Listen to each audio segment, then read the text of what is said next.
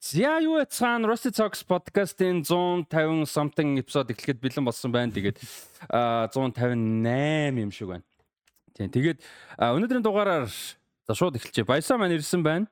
Йоо, юу яцхан. За дэлгэн ирсэн байна. Хай. За тэгээ энэ 150 дэх дугаар ирснээс хойш ингээд дугаар болгон бараг шинэ хүн орж ирээд байгаа. Тэгээ өнөөдрийн дугаараар бол special guest ирсэн байна. Мөнгө ирсэн байна. Welcome. Сайн уу. 99-нд баярлаа. 90. За зөвшөөрсөндөө бол баярлж байна.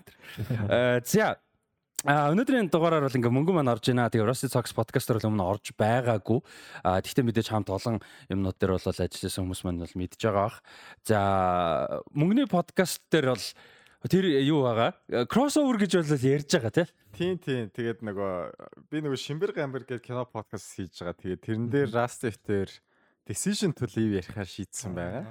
Яа. Rusty-д бол таалагдсан. Надаас нэг таалагддаг. Тэгэхээр сонирхолтой дугаар болох болоо гэж бодож байгаа. Ер нь бас нэг тийм концепт бол байгаа. Яванда тусдаа юу болгох контент болох. Тэр тэр гэхдээ мэдгүй яг нөгөө нэг заавчулаа айгу олон юмнаас хамаарах. Гэхдээ яг нэг тийм нөгөө хоёр битэр чинь өөр ингээд сэтгэлдээ кино зөндөө байдаг. Таалагддаг байдаг чинь таалагддаг байдаг. Тэнгүүд яг тэрийн тэрнийхээ кинонуудыг яриад сонирхолтой болоо гэж бод. Тэгээ Decision to Live дээр бас нэлээд сонирхолтой яриа гарах болоо гэж найдаж байгаа тийм. За тэгээ өнөөдөр А болвол юуны Баясагийн маань сонгосон юу байсан? Педро Алмодовар Алмодовар Алмодовар юм байл шүү. Ер нь бол тийм байл Одер гэсэн. Тэгээ тэр нь жаа. Педро Алмодовар найруулагчийн All About My Mother гэж кино бол сонгогдсон байгаа. За тэр киноны талаар ихний хэсгээр бүтэн спойлертай ярилцсанаа. За тэгээд 20 дугаар хэсэгтээ товчхон мэдээлэлүүд байгаа. За гол мэдээллийн хэсэг нь бол drop technique. Өнгөрсөн 7 хоногт бидэд яг ярьж исэн яг бичлэгний орой болно гэ. Бидэд яг цаг 30 минут яг бүтэн стриминг яг үзээ суулсан. подкаст хийсэн хэдээрээ. А тэгээд сүүлчийн хэсэг дээр бол мэдээж өнөөдөр мөнгөн бас зочноор орж байгаагийн гол одоо юу болгоод далим гэх юм уу те бас шалтгаан ч гэх юм уу болгоод бас Монголдо кино критицизмын талаар зүгээр хэдүүлээ сэтгэлээ хуваалцаж гоё ярилцъя. Аа мөнгөн бол одоо энэ өндөрлгөөс гэж яриа. Тэгээд тэрний талаар ярилцъя. За бас дээрэс нь YouTube Space-ийн талаар тий киноны талаар иймэрхүү зүйлүүдийг бол ярилцахаар бэлдсэн байгаа. Тэгэхээр өнөөдрийн дугаар нэлээд сонирхолтой болно гэж бодож байна. За тэгээд эхлэхээс өмнө яг мэдээлэл кино руу орохоос өмнө дараагийн 7 хоногийн киног сонгоч. За энд ингээд Андрын хоёр кино байгаа. За тэгээд тэнчнээс нэг кино сонгохдоо дараа 7 хоногийн дугаараар ярилцах кино байна. За ингээд За ингээ улаан нь сонгогдож байгаа маань. За улаан кино нь 1999 онд гарсан Brian Singer найруулагчийн The Iron Giant яригдахаар болж байгаа юм байна шүү дараа 7 хоногт. А за бас гоё кино байдаг. Тэгээд хүмүүс бас дараа 7 хоногоос өмнө амжаад үзээрэй сонирхолтой кино. Хэрэг үзэж байгааг бол тэгээд үзчихсэн ч гэсэн үзчихсэн ч гэсэн нөгөө нэг үзэг удацсан бол бас та гэж үзээ тийм. Boat Royal чинь хэдэн оных болоо? Би тий бас 99 шүү. Тэнгүүт чинь All About My Mother бас 99. 90 оны 3 кино ярихаар болж байгаа шүү. А тийм байна тий. Тийм байна. Тийм байна. Хэдэн удаар ревю хийж кино? Эхний хэсгээр 4 5 болчихоо тий. 5 болж байна. Тий тэгэхэд ингээ ихэнх нь 99 болчихлоо шүү. Matrix оруулдаг гэж. Тийм. За ингээд ихний хэсэг буюу All About My Mother. За энэ бол Педро Алмодовар Испани одоо бас За ер нь л бүх хамгийн л агуу уран бүтээлчтэйгээ нэг гэхэд буруудахгүй дээ. А энэ найруулагчийн 24 жилийн өмнө гарсан буюу одоо 1999 онд гарсан Todo Sobra Mi Madre гэж Испаниэр гарсан юм кино байгаа. За анх бол Испанда нээлттэй чи дараа нь Францад бас нээлттэй ээж гарч ирсэн юм бэлээ. Тэгээд Америкт нээлттэй хийхдээ бол бас зарим нэг сэдв зарим нэг одоо юунаас нь хамаарад мэдрэмжээс нь хамаарад бас баг зэрэг кат хийж гаргаж ирсэн байдгийн бэлээ. За ийм кино тэгээд баясаа маань товчхон зүгээр яг энэ киноны сонгохсон шалтгаан өнгөрсөн 7 хоногт ярьсан л та. Гэхдээ зүгээр давтаад нэг товчхон зүгээр яагаад сонглоо? А тэгээд дээрэс нь одоо яг нөгөө мэдээ чиний сонгосон кино тэнгууд сонгогдоод ингээ үзээд үзснийхаа дараа зүгээр яг сонгосон киноч одоо би гэдэг харамсалж яашаа юм дээ. Гэхдээ зүгээр сонгосон киноч сонгогдоод энэ киноныхоо дараа одоо сэтгэл нь юу байна гэдгийг. За ер нь хаах нөө 2 2 кино сонгоход бас яг тэл watch list руу ороод харж байгаа юм л да. Тэнгүүд угаасаа үзэх хар мянган кино байгаа. Тэнгүүд тэнд дундаас ингээ сонголт ихтэй миний ихлэ бодсон юм болохоор за нэгт би ганцаараа үзэж байгаа ш өөр хүмүүст үзүүлж байгаа юм чинь нэг хүмүүсийг амар уудагаад тахааргүй арай нэг нэг богино хугацаанд аа тэгээд үнэлгээ амар сайтай хүмүүст хэдийн хүлэн зөвшөөрөгдсөн тим кинодоо сонгоё гэж бодсон. А тэгээд дээр нь болохоор яг энэ кино угаасаа миний watchlist нэг удаан л явж байгаа л да. Тэгээд угаасаа Педро Алмодовар найруулагчтай ер нь одоо танилцъя гэдэг угаасаа амар олон жил бодцсон явж байгаа. Тэгээд аль киногоор нэгтгэх гэж байгаа угаасаа энэ киногоор эхлэе гэж шийдсэн. Тэгээд ерхэд энэ киног оруулсан байгаа. За тэгээд сонгосон кино нь удаан бодсон кино нь яг За нэрээ анхааруулч одоо энэ ч ингээд ерөөхдөө спойлертай явж гэлээ шүү гэдгийг анхааруулаад тайм стамп бас хараад явчихгүй те. Тий, Тэгээ үзээд яартай сонголтондоо бол айгаа баярлсан. Өөртөө л амар их таалагдсан. Аа. Тэгээд аа за их- миний сонголт ямар тааш дажгүй болчихжээ л гэж бодсон да. Nice. Анх энэ найрлагчийн талаар яаж олд сонсоо болтын сонирс. Би подкастт ороогүй л энэ ерөөсө сонсохооргүй кино байгаа даа байхгүй чинь. Аха.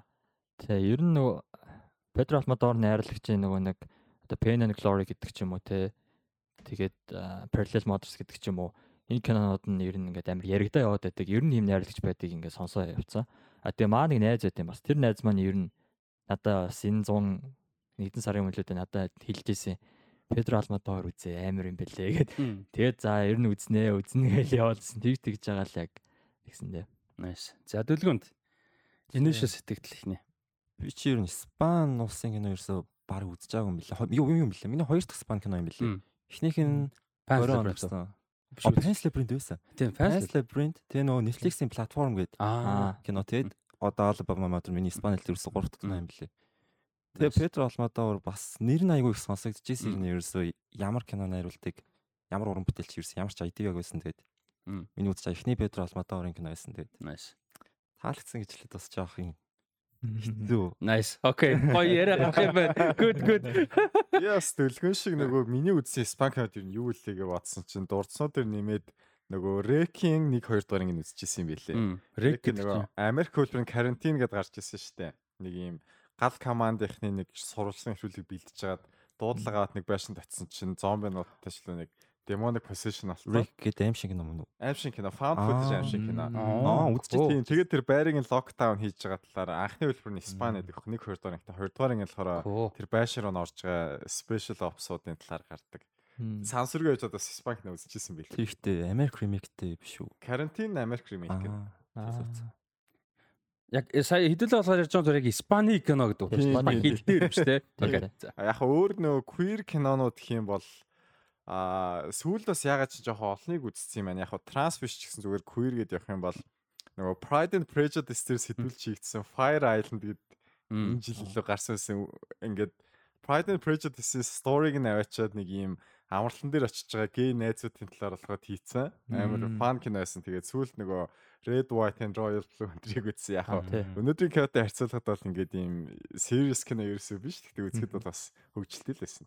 Өнөөдрийн кино нэг тийм аа их тийм нэг Монгол маягийн кино байсан шүү дээ. Тэ Ингээд айгүй тийм зовлонтой хүнд болгож хийвэл хийхээр Тийм. ингээд сансыг нэлээд их тийм нэг хөнгө айтах яваад байгаа юм шиг санагдсан тийм. Тэгэд яг амар олон юм хөндөж байгаа байхгүй ууг нь тэгсэн мөртлөө тэрийг ерөөсөө ингэж нэг тийм амар зовоохгүй а гэхдээ хангалттай жинтэй хангалттай serious хангалттай хүнд а гэхдээ нэг юм баланстай тий Тэгээ тэр нөгөө нэг дөрүүдийнх нь одоо комик комедик дүрийн амар юу л гарч байгаа юм л та нөлөө гарч байгаа юм л та тий тэр бол амар гоё юм нэсэн баланс нэсэн за хэдүүлээ деталь руу орё гэж бодож байна. За мань хүний Алмад Педро Алмадорын кино бол яг мань хүн би өнгөрсөн талаар хэлсэн Педро Алмадор өөрөө гей хүн. А тэгээд өөрөө бас кинонууд айгүй олон кинон дээр нь гендрийн ч юм уу хүүсийн за бэлгийн чиг хандлага за тэгээ нийгмийн ялруул ингээ айгүй олон тиймэрхүү сэдв заавал өөр гей болохоор да биш лээ зүгээр би информашн болгож а тиймэрхүү сэдв ер нь нэлээд түгээмэл ер нь их их кинонд хөндөг заавал бүгд биш гэхдээ их их кинонд хөндөсөн байдаг. Ямар нэг байдлаар а тэгээд тэрийг ер нь яг ингээ нөгөө хамгийн personal хүндсэн кинон энэ гэж өөрөө ярьсан юм бэ л ярилцлаган дээр. А тэгээ өөрөө ээж нь өөрийг нь өсгсөн. Тэгээ өөрөө нөгөө багасаа ингээд нэгдүгürt гээ байсан. Хоёрдугаарт мань үуч одоо 74 тавтай. Тэнгүүт ингээд тинейж байхдаа гээ өсгөд тэр үе нийгэм ямар байсан бах вэ те. А 60 жилийн өмнө гэсэн үг шүү дээ те. Тэгэхээр чи Франко баг болоод удаагүй байсан ч юм уу те. Бүр тийм амар гэн үед өссөн хөлт байгаа байхгүй хүн байгаа байхгүй. Тэгээд нөгөө нэгдүгürt тэр нь хэцүү байсан. Хоёрдугаарт нөгөө найз нөхдүүд нь ч юм уу те эргэн тойронд хүмүүсийнх нь аим тулж байгаа амьдрал, эмгтэн хүмүүсийн тулж байгаа амьдралд амар ач холбогдол өгж өссөн амар имзэглэдэг бас байсан. А тийм болохоор мань үний кинонууд сэдв айгүй их тийм байдаг. Тэгээ All About My Mother ер нь бол баг хамгийн personal кинон юм бэ нэлээ өөрөө тэгж ярьдаг. А тэгээд киноны төгсөл дээр харах юм бол тэр нөгөө ингээд бүх эмгтээчүүд жүжигчдээ бүх эмгтээчүүд бол ингээ бүгдийн одоо иймэрхүү гэдэг амар гоё юм мессежтэй дуусна шүү дээ. Тэгээ ингээ сүл төгсгөлт нь ингээ all, About- my mother гэдэг дуусчаа. Тэгээ тийм болохоор ер нь бол энэ киноны хоолтын энэ бол тэр л юм байлаа. А тэгээ а үйл явдал дээр болохоор Мануэла Ингээд эмхтэй ба тэ нэлээд залуу ээж том хүүхэдтэй 10 өсвөр насны хүүхэдтэй 17 урж байгаа. 18 урж байгаа 17 урж 17 гэж бодлоо. Тийм 7 тий. Тэгээ ингээд төрсөн өдрөөрөө нэг ингээд дуртай жүжигч тайзан жүжигчнийхээ гар үсгийг авах гэж байгаад ингээд яарж явж байгаад мөргүүлээд нас орчиж байгаа. Тэгээ энэ бол зүгээр яг киноны эхлэл байгаа байхгүй setup тий. Like everything starts from there тий. Тийм. Тэгээд тайдад зүгээр манай ревю ер нь жоохон ийштэй шүү өсөрчтэй шүү. Тийм. Аа юу. Таалагдсан юмнууд нь юу вэ? Ягаад гэвэл бас таарт нэлээд эргэлзээтэй юмнууд бас байж магадгүй санагдсан болохоор яг юунууд таалагдсанууд нь юу вэ? Таарт бас адилхан таалагдсан зүйлүүд байвал. Тий, таалагдсан юм зөндөл байсан л да. Тэгэл чи хамгийн гоё одоо гэх онцлог юм нь гэвэл яг тэр нэг эмгтэй хүн гэдгийг ингээд амар олон талаас харуулдаг байгаа байхгүй. Амар олон дөрүүдээр, олон өнцгөөс тэгээ тэднийг яг амар хоорондоо яг дөрөвний хэлсэн шиг амар тийм баланстай хоорондоо тэгж харуулсан нэр нь амар таалагдсан. Тэгээ дээр нь тэр киноны одоо нэг химнэл гэж байгаа штэ. Тэнд амар тийм драматик юм болж байгаа ч гисэн ингээд хүнийг зовоогоод тахгүй ч юм уу хүнийг одоо нэг тийм одоо уйдагаад тахгүй ч юм уу те амар ингээд хүн хүн хөвгөлтэй юм шиг ингэж ингэж өрнж явж байгаа мөрлөө цаанаа ингээд амар хүн сэдвийг ингэж хүндэж чадаад байгаа нь л хамгийн одоо ууштай юм. Надад таалагдсан юм юу вэ? Айгу хурц тод тийм улаан цэнх хөрөнгнүүд аяг усалсан байсан шүү дээ. Тэгмэд production design тэр тайз засалт энэ айгу их таалагдсан юм байна. Тэгээ сая химнэл гэдэг дээр айгу санал нийлж байна. Айгу их драм, айгу драм кино, айгу их диалогтай энгийн хүмүүсийн тийм сетап сеттингтэй кино байгаа болохоор ер нь тим кино үзэхэд айгүй утгартай ч юм уу. Зарим хэсэг нь ер нь зарим зарим хэсгүүд нь жоохон утгартай байх боломжтой байдаг бол энэ кинон дээр бол ерөөсөө уйдах тийм хэсэг байгаагүй. Тийм тэр нь айгүй эрэг санагдаж байна одоо утга. Тийм надаа бол нөгөө гарч байгаа тэр сэдвүүдтэй итгэх ингээд ороогдоод хүндрээд байдгүй нэг тийм уур амьсгал нь таалагдсан. Бас химэлтэй ч гэсэн холбож ярьж болох юм л да тийм ингээд өө хүүн хүчл ямар хэцүү юм бэ гэл ингээд доонор гэл ингээд зовоод байх биш. Аа нэрээ хүмүүс нас ордог. Нэрээ доонор гэд ингээд нэрээ юм транс хүмүүс байдаг шүү гэд ингээд ийм амьдралын хэсэг болохоос биш ингээд бүх юм нь биш байгаа байхгүй тий зүгээр ингээд одоо тэрийн нөхцөлөд яах вэ гэд амьдраад явж байгаа хүмүүсийн талаар байсан л таалагдсан ингээд. Тэгснэ тэр нь ингээд өөрт нь зүг зүгээр гэсэн бас биш. Тэгээ ингээд сүүлд нь ингээд тэр чинь ингээд нэг тийм ухаантай ч юм уу үгүй ч юм ухаан орон гараа ингээд амар хэцүү амьдрал яваад байгаа байхгүй чаас те. Тэгэж явж байгаа сүүлд нь тэгдэж штэ нөгөө нэг а тэр хиний Росагийн ээж хүртэл ингээд бүр тэр чинь нэлээд удаан хугацааны дараа Росагийн ээж ирчээд ингээд явахта чи хүүхдээ өгөөд гэсэн чи байсан хүүхд насарцсан гээд тэг ингээд явсны дараа дахиад ингээд брейкдаун хийж гинт тэр нөгөө нэг юм буцаж эргэж ирээл те Тэр нь байхгүй болоогүй мөртлөө ингээл хүн чинь live goes on тий. Яг live goes on байгаа таа тий. Тэрийг бүр айгүй гоё хандл хийсэн юм. Тэгээд а юу visualтай айгүй санал нэг байна. Ер нь Педро Алмадорын би олон кино нэг үзээгүй. Гэхдээ миний мэдхээр юунууд нь амар юм striking өнгө айгүй их байдаг амар юм тод хүчтэй өнгөнүүд айгүй ихтэй. Дээрэс нь All About My Mother-ын улаан өнгөний амар нөгөө гол юм нөгөө улаан өнгөч амар юм emotion юу яадаг хүнээс айгүй их ингэж гаргадаг emotionally хамгийн хүчтэй өнгө гэдэг ер нь болоо scientific юунаас хамгийн ингээд emotional хамгийн хүчтэй. Тэгээ энэ дэр угаасаа янз бүрийн emotion амар олон төрлийн юм байгаа. Тэнгүүд яг тэрийг айгуу гоё одоо тодруулж тэ өгсөн болоо гэж бодож байна. Тэгээд энэ хөгжмийн зохиолч нь хэн байгаа? Альберто Альберто баха. Аа за нэрийн тий Альберто Иглесиас гэдэг хөгжмийн зохиолч энэ амар мундаг хөгжмийн зохиолч. Тэгээд яг энэ кинон дэр би Альберто Иглесиас байгааг мдээгүй байсан. Тэгээд сүүлд нь харсан чинь хөгжим бүр амар таалагдаад Тэгээд яасан ч Альберт Иглесиасийн юу болж таарсан хөгжмийн зохиол болж таарсан. Тэгээ мань хүн бол одоо ингээд 3 4 ч удаа Оскарт нэр дэвшсэн хөгжмийн зохиолч байгаа. Зөвхөн зөвхөн Оскар ярих юм бол The Constant Gardener гэж мундаг кино гэдэг. The Kite Runner, Tinker Tailor Soldier Spy, Parallel Mothers гэдэг кинонуудаар бол зөвхөн Оскар гэхэд энэ кинонууд нэр дэвшсэн. За бас өөр олон мундаг кинонууд байгаа. Одоо нөө Pain and Glory энэ бас хөгжим бичсэн. Тэгээ тэгээ хөгжим надад айгуу таалагдсан. Тэгээ нүг энэ 90-ад оны ч юм уу яг арай жоохон одооноос 90 онцтой тэгээ одоо 20 жилийн өмнө 20 30 жилийн өмнө болсон. Тэнгүүд 90 оны за бас 80 оны одоо ингээд өөр өөр цаг үеүүдийн киноны зураг авалтын мэдрэмж яг уран бүтээлч мэдээж өөр те соёлоороо өөр жанр бүх юмараа өөрч гэсэн бас л нэг цаг үеийн мэдээж байдаг. А тэгээд яг энэ кинон дээр яг тэрний 90 оны нэг тийм эстетик бас байгаа байхгүй юу? Зураг авалтан дээр нь тэгээд production design-аас гадна хөгжмөн нь ялангуяа хөгжмөндөр надад яг нэг юм 90 оны кино үзэж байгаа мэдгэжсэн л да яг хөгжмөндөр тэгээ санагдсан. Тэгэхээр хөгжим бол надад амар таалагдсан. Тий, хөгжим амар гоёс. Тэгээ нэг үз бата тэгээдсэн байхгүй нэг 90 оны нэг тийм яг энэ зүгийн нэг тийм юу үзэж байгаа юм шиг аа сонгийн дөр үзэж байгаа юм шиг санагдаж байна. Тэгээ тэр ялч амар яг тийм л байгаа юм л да. Яг хөгжим тэр дуур амьсгал болж байгаа үйл явдал тэр мелодрамет тэр нь яг нэг тийм хуучны савнгийн дөр шиг те. Яг тэр талаасаа бол амар амар make sense санагдсан. Аа. Тийм тэгээд надаа нуун юу н production а яг ганц production design гэхээс гадна зөв нь их юм уу? А ер нь амар таалагдсан яг нөгөө нэг бүгд амар pointтай байгаа байхгүй илэрхийлж байгаа зүйлүүд нь нэг амар флаши бол биш л те. Гэхдээ одоо тэр нөгөө нэг бие үнэлэгчд байгаа area руу явах. А тэгээд тэр нөгөө нэг Росагийн аав ээж Penelope Cruz те. Росагийн аав ээжинд очих ч юм уу. Эсвэл тэр нөгөө нэг Роса ингээд нөгөө нэг тоглолт тоглож өссөн талбайгаа хараад өнгөрдөг ч юм уу те. Тэр мэр ингээд юунууд локейшнууд амар таалагдсан. Тэ дээрэс нь бас нэг гоё юм нь юу гэхээр яг нөгөө Педро Алмадор өөрөө Испан хүн Испан production хийж байгаа нэг гоё юм бид нар нөгөө нэг ихэнхдээ яг дандаа биш ч гэсэн та яадаг сайн мэдгүй тэрэн дээр сэтгэлээ хаалцараа зүгээр ихэнх кино Холливуудын кино гэдэг тийм үү? Яг majority дороо ээж 50-аас нэм 50 дээр нэмэх нэг тий Тэгэнгүүт бид нар бусад уус бусад соёл түүх ямиг дандаа экзотик экзотик болгож хардаг бидний нүдээр ихэнхдээ тийм. Яг Аз юмнууд гайг бах монголчууд хэдүүлээ Япон солонгосон ойрхон байдаг болохоор. Гэтээ ер нь тэ миний хэлэх гээд ойлгож байгаа. Тэгэнгүүт Испани уран бүтээлчид өөрсдөө Испанд байгаа амьдралтай, Испанд байгаа нийгмийн талаар ингээд юм хийцэн амар гоё охтын дээрээс экзотицизм байхгүй. Яг ингээд амар фильтргүй те. Бид нар Барселона гэхэд хизээч ингээд юм юу гэдэг юм муухайгаар харуулж байгаа юм биш байхгүй. Энд чинь зүгээр just reality байгаа байхгүй. Муухай гэж байгаа ерөөсөө муухай юм байхгүй тэнд.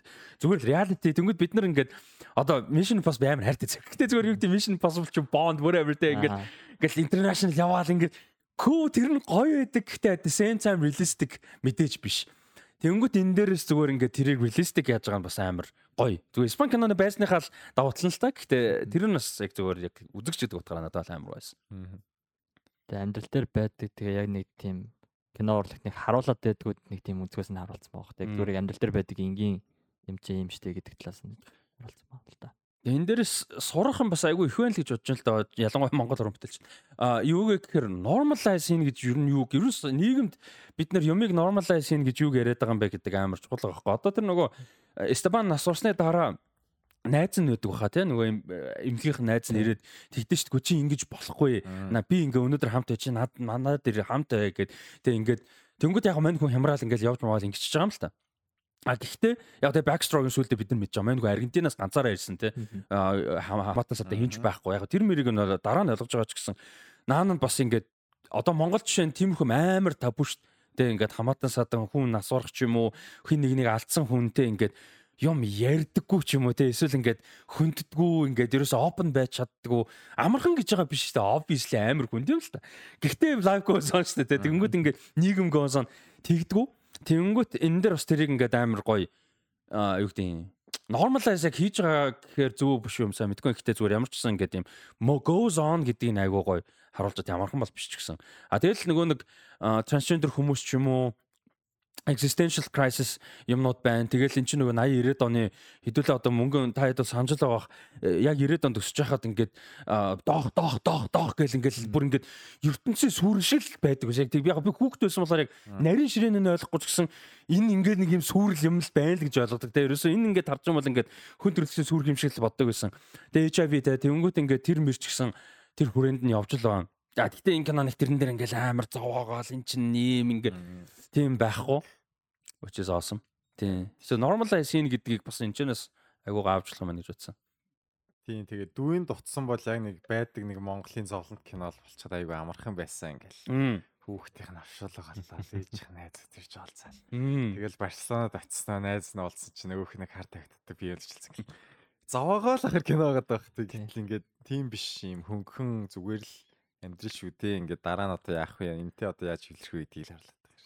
Тэгээд э, нэг амар бас гой сэдвүүдийн нөгөө нэг хин Мануэла ч Аргентинаас ингээд Аргентинд нөхөртөөгөө танилцаад Испанд ирээд тэг хүүхэдтэй болсон. А тэгэнгүүтээ нөгөөтг нь ингээд трансгендер тэр процесс донд болоод тэгээд мань хүн хаяа явчихж байгаа. Тэгээд бас өөр асуудлууд гараад зөвхөн трансгендер байсан даач шүү дээ. Тэгээ мань хүн хаяж яваа Мадридэд очиод зүгээр ингээ лост байж байгаа л зүгээр нөгөө совлогч хийдэг байсан байгаа байхгүй тий. Өөр хүүхдээ юу ч хэлээгүй. А тэгээд хүүхэд нь өнгөрсний дараа зүгээр ингээд нэг юм хуучин амьдрал руугаа эргэж иж байгаа юм шиг. Мань хүн бие биелэгч байгаагүй ч гэсэн найзууд нь эргэн тойрон хүрээллүүд нь драг драг хүмүүс зөндөө байдаг байсан. Queer хүмүүс юу хүмүүс те. А трансгендер хүмүүс байсан учраас тэр юу руугаа буцаага орж байгаа. Тэгээд тэрнээ зүгээр надаа ингээд яг нэгдүгээр тэр хоёрдугаар зүгээр тэрэн дээр надаа санагдсан юм нөгөө амьдрал амар сонирч нөгөө нэг амар урт мөртлөө богинохан санагддаг уу та нарт. Like одоо би чинь дөнгөж уушарч байгаа мөртлөө ингээд live times амьддаг юм санагддаг юм байдаг байхгүй юу? Сая өчтөр хүртэл ингээд манай одоо амар сайн найз байсан гэдэг нь одоо нэг байнга уулзахгүй байгаа гэдэг утгаар амьд минь байгаа хүмүүс. Зүгээр амар нэг хэсэг айгүй их ингээ амар сайн найз байсан хоёр. Ингээд илэрж ингээ бүтэн өдөржингөө тэнж мэнжээс үеийн зүгээр ингээ зураг Google on Photos дээр on display гарч иж байгаа байхгүй 13 жилийн өмнө гээд Тэгээ нэг нь одоо гадаад ингээ амьдарч байгаа. Нэг нь одоо ингээл Монгол нэг уулзахгүй байгаа гэдэг ч юм. Тэгэл ингээл тэр мэрийг харсан чинь ингээд тэрнээс хойш дахиад хэд хідэн lifetimes байгаа. Тэрнээс өмнө ч бас байгаа. Тэгэхэд би I'm still very young person те. Тэгэнгүүт яг саяных дээр ингээ яг бодогч байгаа байхгүй зүгээр ингээд амар урт мөртлөө амар богино гэдэг. Тэгээд саяны одоо Стефанд уулан мань хүн тэгдэг штэ. Гэртээ очиж би бүгдийг ярьж үгээгээд дууг нь ярьж өгөх гэжсэн. Тэгээ жинжимад болчихж байгаа. Тийм. Харамсалтай тийм. Тэгээ зүгээр яг та тэр перспектив дээр ер нь кинон дээр хэр тэгж personal тусдаг яг тиймэрхүү сэдв цаг хугацаа гэдэг утгаар амьдрал урт богино. Одоо чинь Amor энтриг үз. Amor үзсэн нөгөө Мики Ханекигийн Эммануэл Рива тоглолдог нөгөө Хирошима Монаморын. Аа тийм. Тэр чинь одоо чинь амар old people's love байгаа хгүй. Тэр мөр шиг ингээд нэг тийм амьдрал дээрх яг өөрт төр чинь амар тусч исэн тийм кинонууд байдаг. Чи амьдрал ирсэн шууд киноос шүү. Welcome welcome to RTP. Надаа юу санаанд орж байна? Сүүлд worst person in the world үзсэн байна. Nice. Бас тэр дүрийн юу айгүй хөл явдал болоод байгаа ч гэсэн тэр дүрийн амьдрал үргэлжлээд байгаа байхгүй юу? Ингээд кино дуусахгүй амьдрал үргэлжлэнэ гэдэг шиг ингээд бүтэн лайфтайм үргэлжилсэн юм шиг тэр кинон дээр харуулж байгаа ч гэсэн ингээд төгсгөлд нь ингээд энэ хүний амьдрал цаашаа үргэлжлээд явна шүү гэсэн тийм үзүүлсэнс. Тэр санаанд орж Тэг яг адилхан л энэ World Person in the World-аас яг бодогдож байна яг хилэнгүүт нэр. Nice. Надаа юу л юм бэ? Сүүлд үтсэн сэвэл нөгөө past lives л гэж санагдсан. Яг ингээл одоо манай үеийн залуучууд илэг амьдралаа байхгүй тий. Хин нэг энэ гадагшаах хэрэгтэй болоод ингээд what could have been гэл ингээл үлдсэн харилцаанууд айгүй олон байдаг. Заавал эрэгтэй эмэгтэй ч заавал романтиктаач биш. Романтиктаач зүгээр л найзууд хүртэл ингээд өөр болсон ингээд Монгол дотор ч гэсэн ингээл нэг сургууль шилжиж төрш шал өөр болдог дээ тий. Тэр шиг одоо ингээл өөр ажлууд өөр голсууд амьдрал явангууд ингээд нэр амьдрал шал өөрлөх би тэгэл явж явах байсан биш үү? Эсвэл тэгээд явж болох байсан биш гэж боддог тийм яс байдаг л хардаг. Яа, Pastlives юм байна. Ялч бас сүлд үтсэн Канадаас амар айгу ингийн юм яаж гэж гоё хийх вэ монголчуудаа нэг тийм нэг юм. Poetic кино байсан юм яруу найргийн зүгээр юм миний яг нэг үзий яддаг жүжигэн төрлийн кино гэдэг байхгүй ингээд нэг юм яг зураглал юмуд нь гоё хийгвэл тэгэл дуусаа тэр кино байсан. Гэтэ ингээд ийм visually гоё тэгээд emotionally яг ирээд нэг оноод дарчдаг юм үнэхээр гоё байсан. Дээрээс нь хитрүүсэн имиж байхгүй ингээд too much юм юуч байхгүй те айлн дээр. Тэгээд тэр эмхтэн нь өөр акт ихгүй баг андер акт хийгээд байгаа нь яг болоод байгаа юм тийм. Сарай нэмэлт гэл ингээд болоо. Тэгэл дараагийн сцен болоо. Тэгээд тэр нөхцөлтөнд таарад байгаа те яста. Тэр нь амар гоё. Нэг тийм яг ингээ бүх юм нь дөрүүд нь ч гэсэн кино өөрийнх нь өрнөл нь найруулгын юу гэдэг ингээ бүх юм ингээд нэг юм дэлбэрхээс холбак хийгээд байгаа юм шиг те ингээд яг нэг барайл барайл барайл байгаа юм шиг те. Тэгэхгүй болохгүй юм шиг яг нэг тийм кино те. Одоо ийм би Batman Mother гэхдээ ингэж утсан. Буцаагаад ярьж байгаа холбоод би 17 8-д бас үдсэн бол сонирхолтой байсан байна гэж бодсон. Яг одоо үзэхэд бас мэдээж гоё байгаа. Гэхдээ одоо чинь Past Lives-ыг би 17 8-д үзээд нэг тэгж таалагдчих ойлгохооргүй байгаа хгүй. Одоо бол шал өөр тусч байгаа тий. А гэхдээ юун дээр болохоор All by Mother сая бол үнэхээр амар таалагдсан. Гэхдээ 17 8-д үзсэн бол бас ер нь гоё байсан юм байна. Бодох юм анзаарах юмтэй ингээд юу гэдэг бас тодорхой хэмжээний education болох байсан юм байна гэж бодсон. Яг сүртэй deep биш ч гэсэн тий.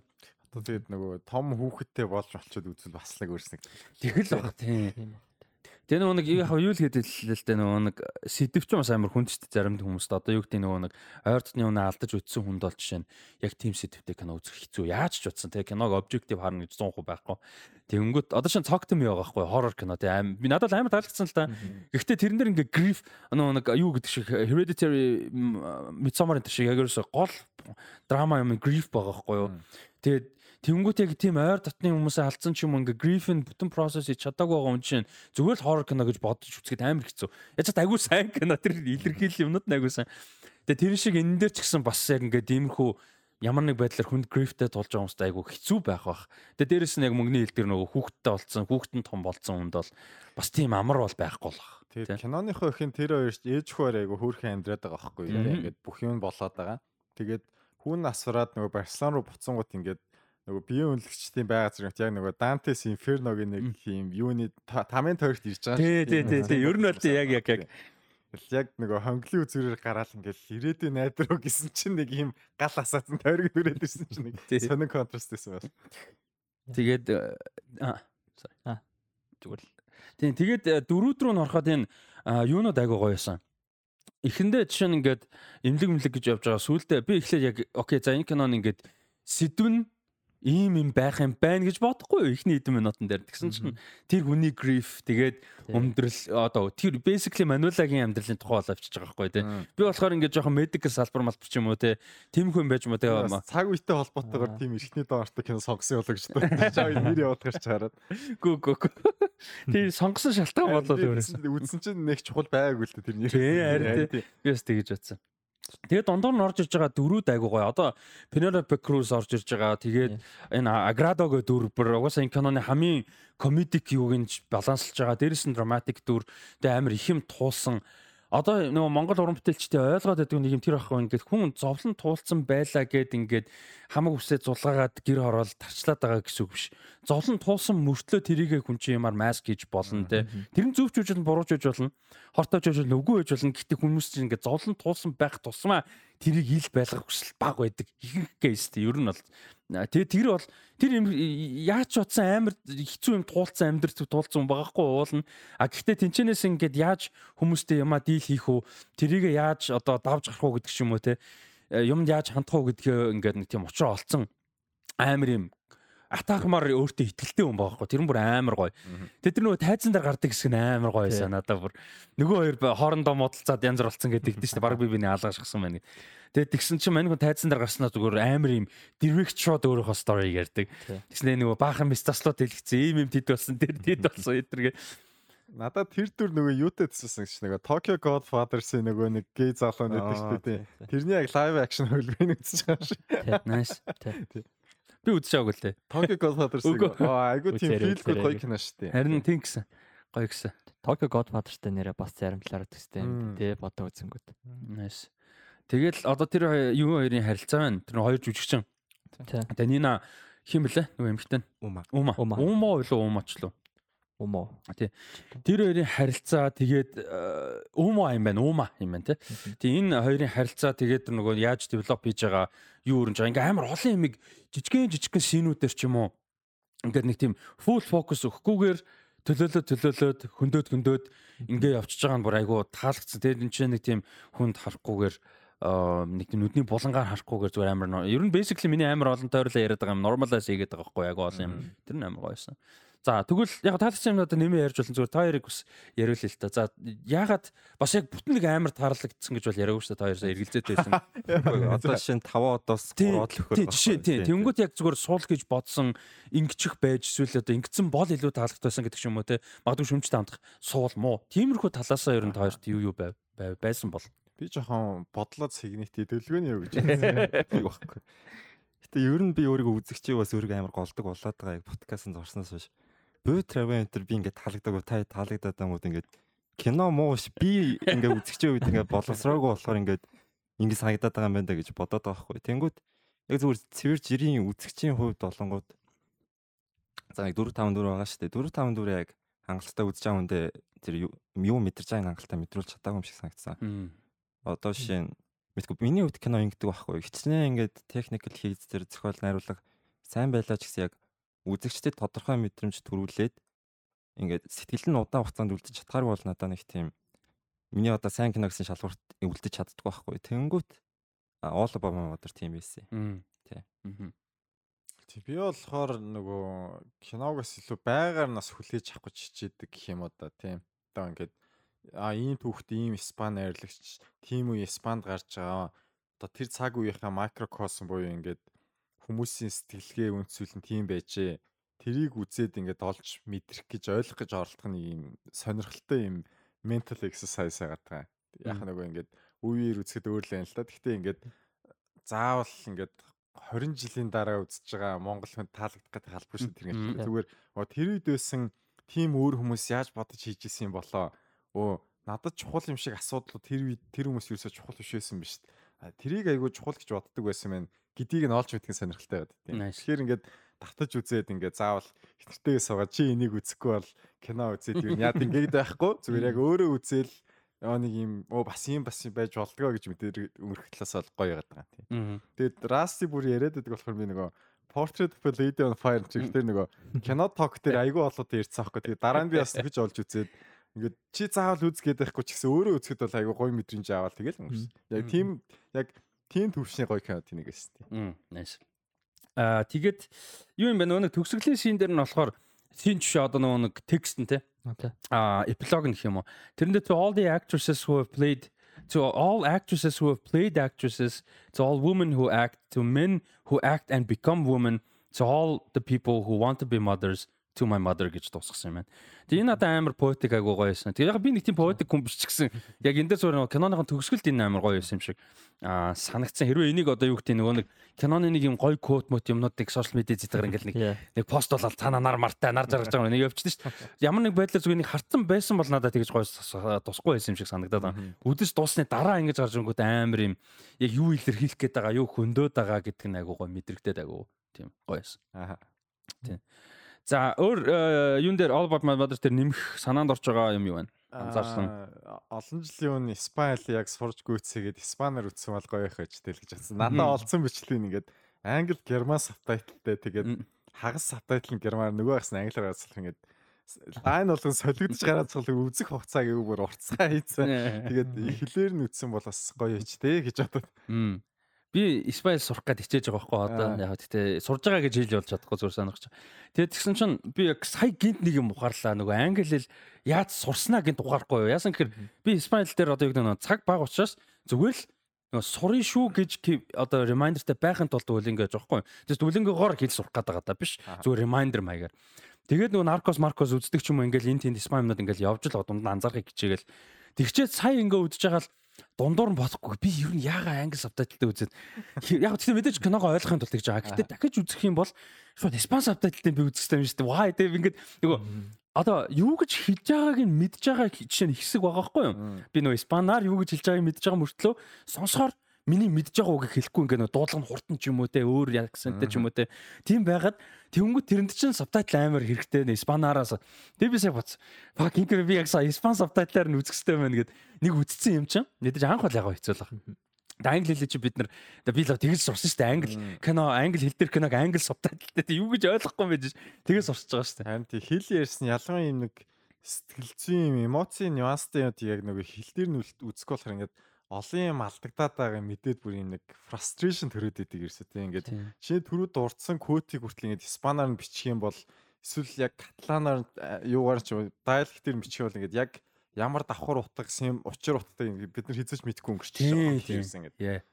Тэрнтэй л яг санал нь Тэгээд одоо энэ дэр нөгөө нэг диалогууд дээр нь ч гэсэн тийм зөндөө гарч байгаа байхгүй юу те. Яг жишээ нь тийч ингээд сабтайтл дээр нь болохоор нэг юм асуусан чинь би зүгээр нэг анзаарсан юм а. Сабтайтл дээр нэг юм асуусан чинь мануэл зүгээр одоо сабтайтл sorry би амар тавтаад байна. Сабтайтл дээр нөө гэж байгаа байхгүй юу? Тэгсэн чинь мань хүн испанаар хэлэхдээ би үгийг одоо яг марчаад байна. Гэхдээ тэр нь ч бас бишээ гэж хэлж байгаа байхгүй юу? Би тэрийг нь бол ойлгоцсон. Тэгэхээр ч бас өөр штэ тий яг зүгээр нөө тэр нь ч бас биш хоёр чинь нэг тийм хоёр өөр юм байгаа байхгүй тий. Тэгэхээр бас хэлэн яаж үсэх юм бол уул найг байгаа. Тэгээ нөгөө нэг э, юу амар харамсалтай те манай хүн бас яриад байдаг байхгүй одоо нөгөө нэг тостой мостой гэдэг ч юм уу одоо юу гэдэг юм а мундаг э, зохиолчд байгаа шүү дээ тий. Тэднийг ингээд нөгөө нэг агуу зохиолуудыг бид нар ихлээр нь яг өөрсдийнх нь илэрхийлснээр хизээчтэй бүгдийг ингэж унших боломжгүй угаасаа. Тэгээ тэр ингээд хамгийн амар харамсалтай гэмэнгүй манай болохоор одоо ч айгу дуртай болоод тэрийг ярьдаг. Тэгээ би одоо би мэдгүй одоо яагаад би тэрийг ухаарж байгаа мэдгүй л дээ. Гэхдээ би одоо яг тэр кинонд ургаарж байгаа байхгүй. Наа чи сүулт яг анзаарчихсан юм аа. Би сүулт нөгөө нэг юу хийсэн. Секунд 5 см шүү дээ. Тэрэн дээр ревю бичээд Тэгээ ингээд яг нэг нэг квотыг би ингээд орчуулад оруулах гэж бодоод тэгээ ингээд англиар сабтайтл нь уншаад өөрөө сонсонгууд тэр англиар яагаад ч нэг тийм гоё поэтик орчуулахгүй байгаадсан аахгүй. Тэгээ ингээд би ингээд өв мөгээр нэ ингээд задлж бодож байгаад а эн чинь ингээд монголоор яг орчууллыг ингэж уг нь утгатай юм байна шүү гэдгийг нь ойлгоод тэгээ орчуулж байгаа. Тэнгүүд ялч нэ англиар орчуулангууд яг ингээд ерхий санааг шууд орчуулсан. Тэнгүүд тэн дунд яг тийм поэтик юм амар алдагдаад. Та амар анзаарчихлаа. Миний сүүлд YouTube дээр үзсэн гоё хвчлэг юу байсан ингээд нөгөө а 19 ways of looking at one way гэдэг ийм эртний хятадын шүлгийн яруу найрагч юм байл та one way гэдэг хүн тэгээд нэг юм ойд байгаа талаараа ингээд нэг юм шүлэг өчтсөн. Оо модонд явж илаа ингээд сүдэрсаад тэн нэг хүний хоолой сонсогдоод нүггүй юу гэл нэг юм айгүй богино шүлэг. Тэгээд ингээд хэдэн зуун жилийн хугацаанд ингээд хүмүүс айгүй олон янзаар орчуулад ингээд интерпрет хийж оролцсон 19 янзаар байгаа байхгүй. Тэгээд ямар үед нь ямар утгуудыг нь хүмүүс ямар хүмүүс ингэж онцолж авч ирсэн талаар нэм анализ хийсээс байхгүй. Зарим орчуулган дээр нь ингээд хүн сонсогдоод энэ удаа гэдэг утга нь хаягдаад энд бол хүн байхгүй гэдэг утгаар орсон тий. Заримдаа ингээд нар яаж тусч байгааг ингээд шал өөрөөр илэрхийлсэн ч юм уу. Тэгээд яруу найрд ингэж болж хат хэдлийн ингээд зүгээр нэг англи сабтайтл хараад хүмүүсийн утга бол илэрхийлж байгаа тэр ард дах эмоцийн нэр айгу олон юм алдагдах юм да. Гэж тэнийг юм да гэж бодоод ихэд өнгөрч ирсэн ерөөсөө. Тийм болохоор нөгөө нэг юу гэдэг орчуулна гэдэг одоо хөрвүүлнэ гэх юм уу те амар ийм чухал ажил байгаа байхгүй яг мэдээж тэр болгоны бүгдийг яах боломжгүй юм байж л байгаа. Гэхдээ л би бас ингэж боддог байхгүй нөгөө Монгол кино ч гэсэн адай адилхан ингээд гадаад кино монгол руу ч юм орчуулахдаа шууд үгээр гэхээс илүү нөгөө narrative утга учинд нь оруулаад яг утгачлах хэрэгтэй байхгүй. Зарим нэг юм зүүр зүүр цэцэг үгэн чашаа зүүрлэл ч юм уу те метафор маягийн байлаа гэхэд яг тэрэн шиг илэрхийллийг Монголд юу гэдэг вэ гэдгээр нь одоо бичих систем шиг санагдаад байгаа байхгүй багцлагаасаа илүү. Тийм тэгээд тэрийг илүү нөгөө таашаадаг болоод нөгөө алтан загсны үлгэрийн Монгол орчуулсан юм шиг зүгээр бэс санагдаж байна тийм. Хөрс талтан дэлхийн хөө хязгаар нот Орсоор юм байт юм багтаа гэж бодоод уншиг шал өөр юм. Тий. Тэр чинь нөгөө хөрвүүлж байгаа байхгүй тий. Зүгээр зураг зурж байгаа байхгүй Монгол орчуулгын ирсэн. Тэр нь амар гоё. Тэгэхээр орчуулга бол амар чухал шок гэдэг. Тийм. Тэгэд э, яг олон хэл сурна гэдэг амар хэцүү. Гэхдээ ядаж э, юу гэдэг жижиг нюанс юмнуудыг нь ойлгохыг хичээдэг бол бас гоёлох чадахгүй. Испануудын испанд удалж жоохон сонирн байдаг үстэй. Stand up comedy-нууд ингээд нэг юм сонсголын бэрхшээлтэй хүмүүс шиг сони ярьдаг. Латин Америк, Испани ч хамаагүй цэвэр дуудлагатай тэгж ярьдаг. Тий, Латин Америк одоо анзаарах юм бол би нөгөө нэг юу яагаад нэгдүгürt нөгөө наркостой дуртай тэрнээсээ далигаа явцаа. Дээрээс нь нөгөө Мексик ч юм уу Өмнөд Америкийн culture түүх Төв Америк энэ төр гэдэг geopolitics энэ ер нь нэг жоохон тиймэрхүү сонирхол нэлээд их байгаа. Тэгээ ингээ видео медиа янз бүр юмнууд ингээ үзэл яваад байгаа байхгүй сонирхоод. Тэгээ ингээ харахад тийм байлээ. Дуудлага Өмнөд Америк Төв Америкийнхны яг тэд нар нь тусдаа бас жоохон дундаа янз бүр. А гэхдээ яг испанчуудаас бол бүр шал өөр ингээд хамаагүй тодорхой сонсогд юм л өгнүүдийг ялгаж болоод. Яг дөрөв ярьсан тэр байхгүй би all about brother тэр юу гэж хэлээд байгаа мэдээ байгаа мөртлөө сонсохоор ерөөсөө тэгж хэлэхгүй байгаа гэсэн. Тэгээ би бүр гайхаад. Тэр бас тэр бол жоох өөр юм байлаа. Тэр амар сонирхолтой нүд одоо чинь Аргентинд байдаг. Аргентинчууд испанаар ярьж байгаа штэ. Гэхдээ Итали юм шиг ярьдаг. Испанаар Италиуд шиг Итали акценттэй ярьдаг. Нөгөө Аргентинд чи ихэнх хүмүүс нь Итали нэлээд ихэнх хувь нь Итали шүү дээ. Даргаалдаг хүмүүс. Тэгсэн тэгсэн мөртлөө Испанаар ярьдаг бас. Тэнгүүд ингээд юм шал өөр Испанаар Итали шиг ярьж байгаа гэж бодлоо би бүр гайхаад амар юм удаан чанга амар зуурж ярьд юм шиг байгаа. Одоо Италиуд ч яг нэг тийм шүү дээ яриа нь бол. Тэгээд яг нөгөө кинон дээр зүгээр нэмэлт утга байж босчгүй зүйл нь нөгөө нэг Каталоноо тусгаар тахнах гэдэг чи аль хотод нөлөө Барселон лөө. Яг гоо Каталон муужилтаа ер нь тэгэл тэр муужилт нь ямар том хотог вэ? Барселона хамгийн том нь бол Барселона. Окей. Тэгэхээр яг зүгээр нөгөө байж болох жоохон тангент нь ингээд тэр хүмүүс угаасаа бас нэг юм нийгэмдээ фитин хийхгүй байх шиг мэдрэмжтэй. Тэгээд Каталоны Барселон ч бас Испани дотроо нэг тийм нэг юм Аа бас ийм нэг леертэй ээж болох юм болоо гэж зүгээр бас бодогдсон зүгээр тий. Maybe тий хүнөөс. Тэгээ бид тэ Педро Алмадорыг яг өөрөө эсникли хаанахын сайн мэдэхгүй. Испанч амар олон үндэстэндээ шүү дээ. Сайн нөгөө лалиг тайлбарлаж хахад хамгийн хэцүү юм тэр байдаг. Нөгөө хүмүүс нэг хэл нэг юу гэхээр нөө тий дотор нь Баско, Андалусианс, Каталонианс тэгэнгүүтээ Кастеланод те тэнгуүтэ дээрээс нь арабууд байгаа. Андалуст ч арабууд айгүй ихтэй, муслимууд ихтэй гэж. Балканы орнууд ч хэлээрсэн. Тийм. Гэтэ ядаж Балкан орнууд чинь юу байдаг вэ? Ингээд төстэй байдаг байхгүй тий. Нэрнүүд нь ч юм уу. Тэгж чи бүгд ингээд нэг нь Yon John юу гурав болоод явцдаг өөр юм болоод нөөрөө тавьчих. Тийм бүр амар хэцүү тэр. Тэгээ тэд нар чи бүгд ингээд ялгаж малгана гэж гоё юм болж. За за тэгээд юуны хувьд бол All About My Mother-ийн хувьд бол ийм байна. Испанир нь Todo Sobre Mi Madre гэдэг кино байгаа. Тэгээ би надад бол айгу таалагдсан а дахиж бол би үзье гэж бодож байгаа. Гэхдээ яг хизээ үзэх мэдгүй ягаад тэгэхээр энэ киног дахиж үзэж байхаа оронд бас юу гэдэг Педро Алмадор магадгүй нэг өөр киног өнөсч. Одоо нэг тийм асуудалтай тийм. Юм дахиж үзмээрээ үзье гэхээр ингээ оронд нь өөр юм үзье гэд. Бас нэг тиймэрхүү. Мөнгө нэг тиймэрхүү юмуд гарч ийн одоо мэдээж ажил төрөл юм байгаа бах та. Дээрэс мэдээж юу энэ төр хийж байгаа олон кино үзэж байгаа. Зүгээр тэр дунд ингээд одоо одоо жишээ нь Педро Алмадор гэдэг шиг за тэр найруулагч нэг тэр тэр кинонуудыг бол үзэндээ гэж бодоо олон жил болж байгаа мэдээж байдаг бах. А нэмээд одоо жишээ би Django бол үзмээр байгаа мөртлөө амар удаж байгаа байхгүй. Тэр шиг дахиж үзмээр байгаа хооч нэг гадартаа нод юм ч юм уу. Тэднэрийгээ үзэхэд ингээд цаг мага яаж зохицуулж байна. Үзэндөө шүү дээ. Гэтэ илүү нөгөө нэг юм аа зүгээр ингээд суужгаад үзэх гэж орлохоос үүд яг ингээд нэг юм гоё үзэх гэж юм ажил болгож төвлөрч үзэх гэж хичээдэг болохоор ингээд за би нэг иймэрхүү кино үзэх наасартай байна да тэр сэтгэл зүйн нөхцөлөдөө тааруулж байгаа кино сонгоход заавал ингээд үзэх ёстой гэд яачаар ингээд нэг юм шингээж авч чаддгүй юм одоо тий. Одоо ингээд ямар нэг гоё хоол идчихэж байгаа бол ингээд өөрийгөө бэлдэж байгаад идчихэж байгаа юм шиг л гэсэн үг одоо. Тэгэхгүй бол ингээд зохихгүй байсан юм аа ингээд оруулчихар нэг л явж өгдөггүй юм одоо тий. Тэгээд миний хувьд илүү нөгөө нэг за тэрийг одоо үзэхгүй бол би ингээд хоцорлоо гэдэг стрессээс ингээд ангижрах гээд илүү нэг юм ямар сонирхол цаг үе уран бүтээлч миний сонирхлыг дөө татчихна үед одоо би одоо чинь ингээд нэгсэг самурайтай кино аяг их үзсэн. Тэгснээ хадуураад ингээд 50-аад оны Японы корпорат амьдралын талаар кино их үзсэн. Тэгснээ 2 дугаар дайны үеийн хятад дөрвөн жаа кинод их үзээд явсан ч гэдэм юм ингээд ийм уран бүтээлчээсээ гадна ийм цаг үе сэдв рүүгээ бас их анхаарч үзээд байгаа юм шиг санагдаад байна. Тийм. Nice. Түлчээ амар гоё стресс фри юу гоё чиглэж байгаа юм байна. Гэж байна. Нөгөө цаа цаа угаасаа л үзээд гүцэх юм байна надаас лаг үздэг хүмүүс угаасаа л олон байх юм тэгээд эвлэрсэн. Тэгэхээр одоо юу намайг гоё болох бол гэдгийг л хөгжиж байгаа гэсэн. Би бол одоо яг тиймэрхүү хандж байгаа специфик юм байна заяа. Marvel MCU тийм болцсон. Би бол одоо зүгээр хайсан. Тэгсэн чи юу өнөөр лөө маргааш чул хизээ үлээ локи хэлж байгаа юм байна шүү дээ. Би өчтөр мэдсэн шүү дээ. Алд яаж ч албан ёсны постэр заяа. Би харж хоо одоо ихлэж байгаа юм чи хуучин бол бид чи тэгэл ингээл хүлээгээл аль хэдийн өдөр тоолол ингээл инкос Тэгээд би бол Локи тэг эхний яаж дөрөв эпизодын ревю ингээд нэг хүмүүс хийгээд эхэлсэн критикуудад эхний дөрөв эпизодыг үзүүлсэн юм байлаа. Тэгээд энэ нэг юм сов сов байхгүй. Тэнгүүт яа вараа цац би үзэхгүй. Зүгээр Асоко амар гоё явж байгаа үзээд байгаа. Аа гэхдээ тийм ба. Аа тэгээд юу вэ? Аа 20 дугаар хэсэг рүү тэгээ 20 дугаар хэсэг гэснээс би ингэж утсан. 20 дугаар хэсэг дээр товчхон мэдээлүүд нь товчхон болохоор илүү гоё ярилцах сэдв болгоод 3 дугаар хэсэг рүү угаасаа serious юм ярьж байгаа. Тэгээ Монгол Монгол баахан ууралж байгаа гэсэн. Юу болохоор ойрд юу үзэж ийн вэ гэдэг хэдэл бас зүгээр товчон гойс тойроод ярилцъя гэж бодлоо. Ойрдоо юу үзв, сонирхолтой юм юу байна, санал болгох юм юу байна, таалагдсан, таалагдаагүй те. Like ойрын хугацаанд гэдэг нь letter box нээж харахгүй мартаад байдаг. Одоо яг тий ойр тэгэл ихсэн чи төлгөө төчөөгөө letter box гарч ирсэн. За би ихлүүлж зэ. Та яаж хайж байгаа. Асоко үзэж байгаа. Үнэхээр гоё байгаа. Эпизод 7 яг финалийн өмнөх анги гэхэд арай жоохон тайван санагдсан ба яг муу бол биш зүгээр яг финалийн өмнөх анги нэг тийм 6 дугаар эпизод бүр амар юм big deal болохоор дууссан.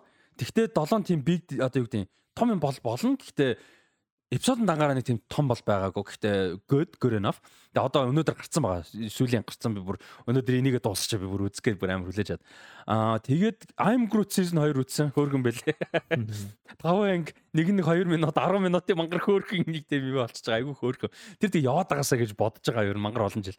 Аа тэгээ том болоо л тий. Season-ээр жоохон жоохон том болд юм аа тий. Аа тэгвэл гэж бодож байгаа. Аа өөр чин юу үзлээ? Аа юу үзсэн? Э, нэр яриг. Genevieve үзсэн. Таад үзсэн үү? Boys үздэг үү?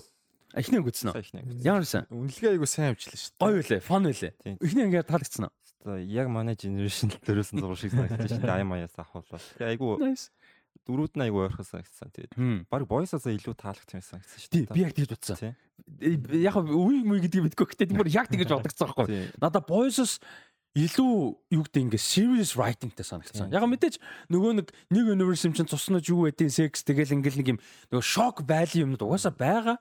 Гэхдээ яг тэрнийхээ доор бол хамаагүй serious юутай зохиолтой. Тэгээ ихний 3 анги 3 анги би яг үзсэн. Бүр агүй таалагдж байгаа. Яа тэгээ тэгтэл нөгөө юуны асуудал байгаа байхгүй. Action. Нөгөө action. Action болох ер нь бараг хэрэггүй санагдаад байгаа. Болохоор амар муу хийдэг. Тэгээ яагаад ч сайжруулчихдгүй юм тэгээд амар муу action угаасаа амар муу. Тэгээ тэрнээс өөрөөр бол бүр тэг супер хиротой зурлыг акшн бити болоосоо гэж бодож үзэж байна. Тэгээ цуснуудтай акшнтай зурлыг тэрийг нь биш бусданд нь тэгэхээр kind of says something. Тэгээд нэг амар таалагдсан юм Gen V дээр яг өнгөцсөн байж болно. Гэхдээ зүгээр каст нь амар залуу каст шүү дээ. Нэг тийм од мод болоогүй дөнгөж ингээ анхных л ерөөсөө хүмүүс таньж байгаа project амар enthusiastic юм байлээ бүгдээрээ. Яг одоо чинь ингээд л яг юу гэдэг хуулийн дагуу ч юм уу хууль гэнэ гэрээний дагуу ингээд мэдээж Instagram дээр одоо гаргаж байгаа юм а трейлер оруулна те зургамаар оруулаад явж байгаа шүү бүгдээрээ тэгдэг. А гэхдээ энэ хэд болохоор бүр ингээд overly enthusiastic нь мэдрэгдэн шүү нэг хүний нэг юм тэгж мэдэгдээд байгаа байхгүй. Тэр нь бүр надад амар таалагдсан. Яг бүх каст нь бүгдээрээ бүр ингээд үнэхээр тасархай гоё байсан. Тэ энэ project бүр ингээд уур амьсгалан тэ хийх бүр ингээ ажил ажил хийх гэдэг утгаараа бүр ингээд үнэхээр гоё байсан гэдэг юм мессеж амар мессеж байх одоо мэдрэмж каст нь өгöd байгаа байхгүй амар олон юмнаас харахад. Тэр нь надад бас амар таалаад ягаад тэгэхээр каст нь үнэхээр гоё. Бүр үнэхээр гоё. Яг олон талын нэг ч байхгүй яг мейн одоо үндсэн хүүхдүүд залуучууд нь. Гэхдээ бүр бүгдээр үнэхээр гоё. Тэгээд нөгөө нэг юм одоо бойс ч нэг юм нөгөө тогтсон norm stereotype-ыг амар эвддэг штэ. Яа. Тэгтээ заримдаа тэрэн дээр өөрсдөө ороогдчихдаг. А заримдаа болохоор actually жоохон comment commentary болдог те. Энэ дэр болохоор ерөөсөө амар гоё юм твистүүдтэй. Одоо ч нэг юм амар golden boy тэгэл нэг юм blonde найз охин тэгэл тэр нэг юм бичиг хүүхэн тэгээ нөгөөт нэг юм дүүш байгтай whatever. Тийм юм шиг ID өгөнд ерөөсөө тийм биш. За тэр actually good people. Гэдэг ч юм уу? Тэр нь гэхдээ ингээд зүгээр л good people байгаа болохгүй. Бас ингээд цаашаа үргэлжлэлтэй хөгжүүлэх юмтай so yeah Gen V амар гоё. Nice. Баясаа үзэж байна? Бич дойр нэг цуурлаар нь үзэхгүй байгаа дөө. Гэтээ яг нөгөө нэг Big Bang Theory-гоо л үзээр таа. Би яг чи юу сонсч байсан юм. Big Bang Theory-гоо явуулсаар л байгаа. Тий. Өөр гэвэл яг нь юу? Castlevania Nocturne. Оо тий. Өнгөрсөн 7 хоногт эхний 3 анги үзчихээд дараагийн 3 ангийн саяны 7 хоногийн турш үзсэн. Тэгээ. Nice. Одооны 2 анги үзчихэл болчих гэдэг. Awesome, awesome. Дажгүй сан айгуу сонирхолтой санагдсан. Castlevania ихний хурааг зүр хүчээр үзүүлсэн. Би ерөөсөө ноктор нүдий мүдий гэж ерөөсөө төлөвлөөгүй байсан. Шууд гурван үзсэн. Тэгээд. Ноктор үзээ дуусгацсан ба. Nice. Awesome. Тий, ноктор амар таалагдсан. Тэгээд шууд одоо Castlevania эхлүүлээ гэж амар. Nice. Гоё гоё гоё. Тий, би угаасаа season 1-ийг үзээд орхисон байсан. Одоо тэгээ яг season 1-ээс үргэлжлүүлээ гэж бодоод. Угаасаа харамсахгүй. Угаасаа амар. Awesome, awesome. За мөнгө өрж үйц. Аа, сүүл таалгсан цуврал юу байсан? Андор байсан. Nice. Би Star нөгөө JJ Abrams-тэй Star Wars хэлээд ингээд Star Wars-ын фэн байж гал унаал унаал унж явсараад итгэл алдарсан байсан аахгүй. Rogue One дэжгүй байсан. Тэгээд Андорыг хүмүүс бүр зогсолтгүй яриад аа тэгээд шин шин гурван кино угаасаа таалагдаагүй. Тэгээд Solo мяа байсан. Rogue One нилээ их мяа тавьсан ч гэсэн хамгийн дэжгүй кино нэг байсан. Мандалорын үзэж байгаа дундаас нь хайцсан Бен Кеноби юм уу энтриг огт Django Fett огт үзээгүй байхгүй ерөөс таалагдаагүй. Бобо юу? Бобо энтриг ч үзээгүй ерөөс. Тэгээд а нэг юм хитрхи нөгөө нэг өнгө болоод юм substance-гүй болцсон ингээ таягдлаад. За за энэ франчайз ч дүүрчтэй гэд бүр нөгөө 40 кама сонирхож бүр шал өөр зүг рүү яваад байж байгаа. Тийм, Warhammer л ороод шүү дээ. Sci-fi талаар. Гэтэ ялгаагүй дээр нэ. Тэгээд Андорыг хүмүүс бүр онцгойлон магтаа тэгээ харсан чинь нөгөө Руганыг хийсэн хүмүүсний чи хийсэн юм биш. Tony Gilroy. Үзээд таалагдаад нэг finally нэг юм нэг Jedi Medai-тай холбоотой биш тий. Сансри жидэн болоод зүгээр л нэг юм serious юм ухаалгаар хийх гэж оролцсон шоу бол ирсэн ингээд ийм хувьсгал юу гэдэг чинь ард нь ийм зөндөө олон юм болдог бараан зүйлс хэцүү зүйлс их олон болдог тэгээд ийм Empire нь ерөөхдөө бас нэг юм Америкийн одоогийн нийгмийн шүүмжл байгаа даахгүй. Яг тэр нэг Stormtrooper энэ тэр хүмүүстэй яаж харьцаж байгаа барилж байгаа тэр яг бид нэр Reddit дээр үздэг тэр цагнаарын бичлэгэл ерөөсөө ингээд Stormtrooper-ийн хувцастай ерөөсөө яваад байгаа. Тэгэхээр нэг юм нийгэм талаасаа ч тэр хэлэх юмтай Star Wars-ийн storytelling-ийг бүр нэлээд шат ахиулж чадсан их сайн цуврал болсон байлээ. Тэгээд нэг юм одоо л нэг чадвартай зохиол бичдэг шоураннуудаар ингээд боломж олгож хийж чадсан л үнэхээр баяртай. Би Андорыг амар хүлээжсэн байхгүй нөгөө одоо Оби Ван дээр би амар эргэлзээд амар дуртай. Эвен Макгрегор үнэхээр гоё жүжигч чинь эргэж ирээсэ гэж бодог приквел цувралуудаас цөөхөн идэв ирэг юмнэ нэг мөртлөө. Би Оби Ванаас илүү Андорыг хүлээжсэн. Уул Тони Гилрой угаасаа мундаг writer. Тэгээ Диего л унаа минь амар хайртай жүжигч. Тэгснэ яг тэр үед нь үзээг байхгүй. Тэгээд дараа нь ингээд нөгөө нэг хоёр нь явцсан шүү дээ. Тэгээ ингээд дараа нь ингээд амар сайн ингээд бүх хүмүүс яриад байгаа амар харамсаад байгаа шээ. Тэр нь үздэг байж таа. Одоо ерөөс үзнэ. А тэгээд Асоко дээр гоё юм нь болохоор яг наадад чи эсрэгтэй гоё юм заяа. Яаж юм хэр яг тэр Jedi Meta stuff заяа. Бүр яг to the fullest заяа. А гэхдээ тэрийг сайн хийсэн хэлбэр нэг байхгүй. Зүгээр утга учиргүй ингээл юм болгол айд яа өчнөө лайд sacrifice. Гэхдээ гол purpose нь ерөөсөө тэр нь биш. Яг юуг илэрхийлээд байгаа юм чи та байх нь юуг илэрхийлж байгаа. Тэр нөгөө нэг order-ын сүрээд нураад араас нь чи survival дундаас нь гарч исэн хүмүүсийн нэг нь үлдчихэж явж байгаа хүмүүсийн нэг нь Асоко өөрөө дээ. Тэр тэгээд тэр Rebels-ийн дөрүүдээ амар хүндэтгэж гоё өргөлжлүүлсэн. Rebels-ийн дөрүүд чинь хүүхэлтийн кино юм шиг боловч амар их юм үзэж байгаа гараад байгаа байхгүй. Бүтэн Empire-ийн нэг гариг дээр тийж Тэгээ амар юм болж байгаа. Тэр ер нь live action гэсэн бол бараг R-rated-тэй бүр балер dark юм болохоор юм плот өрнөд байгаа байхгүй.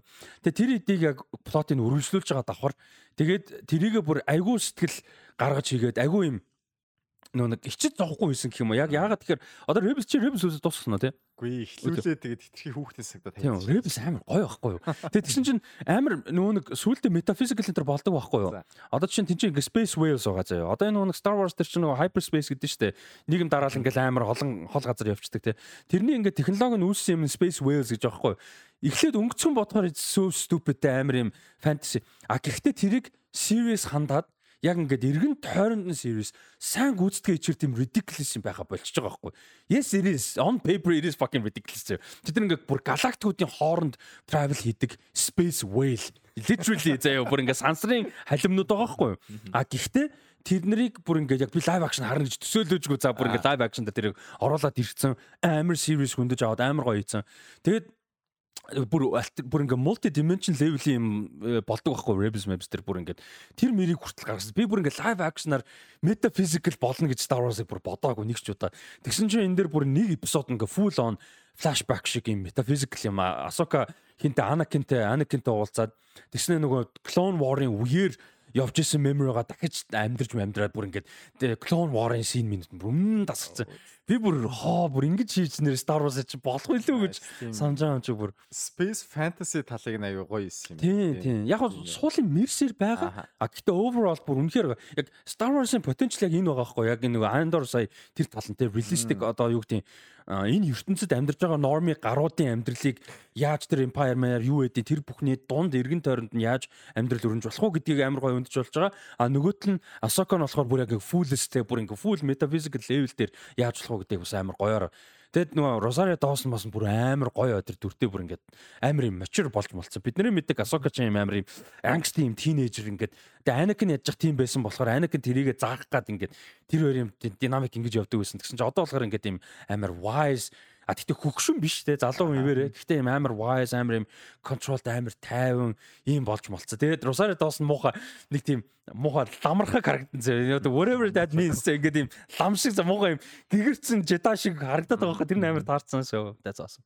За надад бол Андорын тэр ер нь нэг юм том Empire ч дандаа л нэг хүүхэлдэйн киноны л bad guy stormtrooper-ыг ингээл зүгээр хог нэгээр нь устгаал яваад зүгээр л юм бид нартай адилхан хүмүүс шүү тэрийг чинь ажилуулж байгаа тэр дунд сайн ажилтдаг хүмүүс байгаа, залхан хүмүүс байгаа, амбицтай хүмүүс байгаа ингээд тэгээд яаж бид нар шиг жирийн хүмүүс очиод нэг а диктатурны засгийн газрын тогтолцооны нэг хэсэг болчтiin бэ гэдгийг л аягүй сайн харлаад байна. Би нөгөө бас юм корпорат ажил хийдэг болоод Андорын засгийн газар тэр компани яаж тийм нэрээ бид нар ингэж л ажилдаг штэ. Гэтэ тэдний ажиллаж байгаа зорилго нь evil байгаад байгаа болохоос ингээд дотор нь ажиллаж байгаа хүмүүс юм амьдрал дээр яг л байдаг хүмүүс байгаа тохтой. Тэр хүмүүс салдангаа авахыг хүсэж чинь, тушаал дэвшихийг хүсэж чинь, хийж байгаа ажлаа сайн хийхийг хүсэж чинь. Empire яг л тийм нэг юм competent хүмүүсийн цуглуулга байсан. Тэгэхээр кафт байсан. Зүгээр нэг юм Jedi орж ирэл. These are not the droids you're looking for гүт нэгээд жавчдаг нэг юм мангар биш зүгээр юм амар бодтой байсан. Одоо яг тэрэн дээр чинь Mercer Jedi орж ирэхээр уул нь жинтэй болох хэрэгтэй байхгүй юу? Whole point нь тэр шүү дээ. Тэр Jedi-ууд ч юм уу те тэр супер одоо супер гарууд шүү дээ. Тэр дээр чи whole point нь олон тэр байхгүй амар ховор байх шүү дээ те. Амар elevated гар. Тэгэхгүй ингээд баруун зүүн хурд хойд нөгөө бүгд тэгэхэр чи л сонирм биш. Тийм. Original Star Wars гоё юм тэр байхгүй бүгд тийм биш. Аа нөгөө юу ажил дээр ер нь бид нөгөө телевизийн сурлууд тэр нэлээ сонирхоод судлаад байгаа юм. Тийм болохоор олон ангитууд үзэж ин да. Тэгээд э, нөгөө би өөрөө ингээл холон их үзэж амжихгүй гэсэн ч гэсэн манай эхнэр олон их аяг их үздэг. Одоо My Drama List дээр ямар шин солонгос кино гарч байгаа гэл ингээл яг хүлээж содолж байгаа л үздэг байсан нэг аахгүй. Тэгээд хөссөн өсөйг нөгөө том өрön телевиз гарч байгаа шээс ингээл дагаал үзэн. Тэгээд комфорт зоноос хүчээр гараад өө бас энэ сурал хийдэг болчих гэж болж үзээд байгаа байхгүй. Тэгээд яг нөгөө сүүл таалагдсанудаас юу нь юу байсан? Аа жоохон хуучны цувралт гэхдээ нөгөө Good Wife гэдэг шүүгчтэй 16 оны солонгос суурлын Америк хөлбөр нь байдаг бас нэг 5 6 сизон тэртэй илүү дээ. Тэгээд ийм ихнэр нөхөр хуульч байжгаад хүүхдтэй болоод ихнэр нь ажиллаа ихэ болцсон.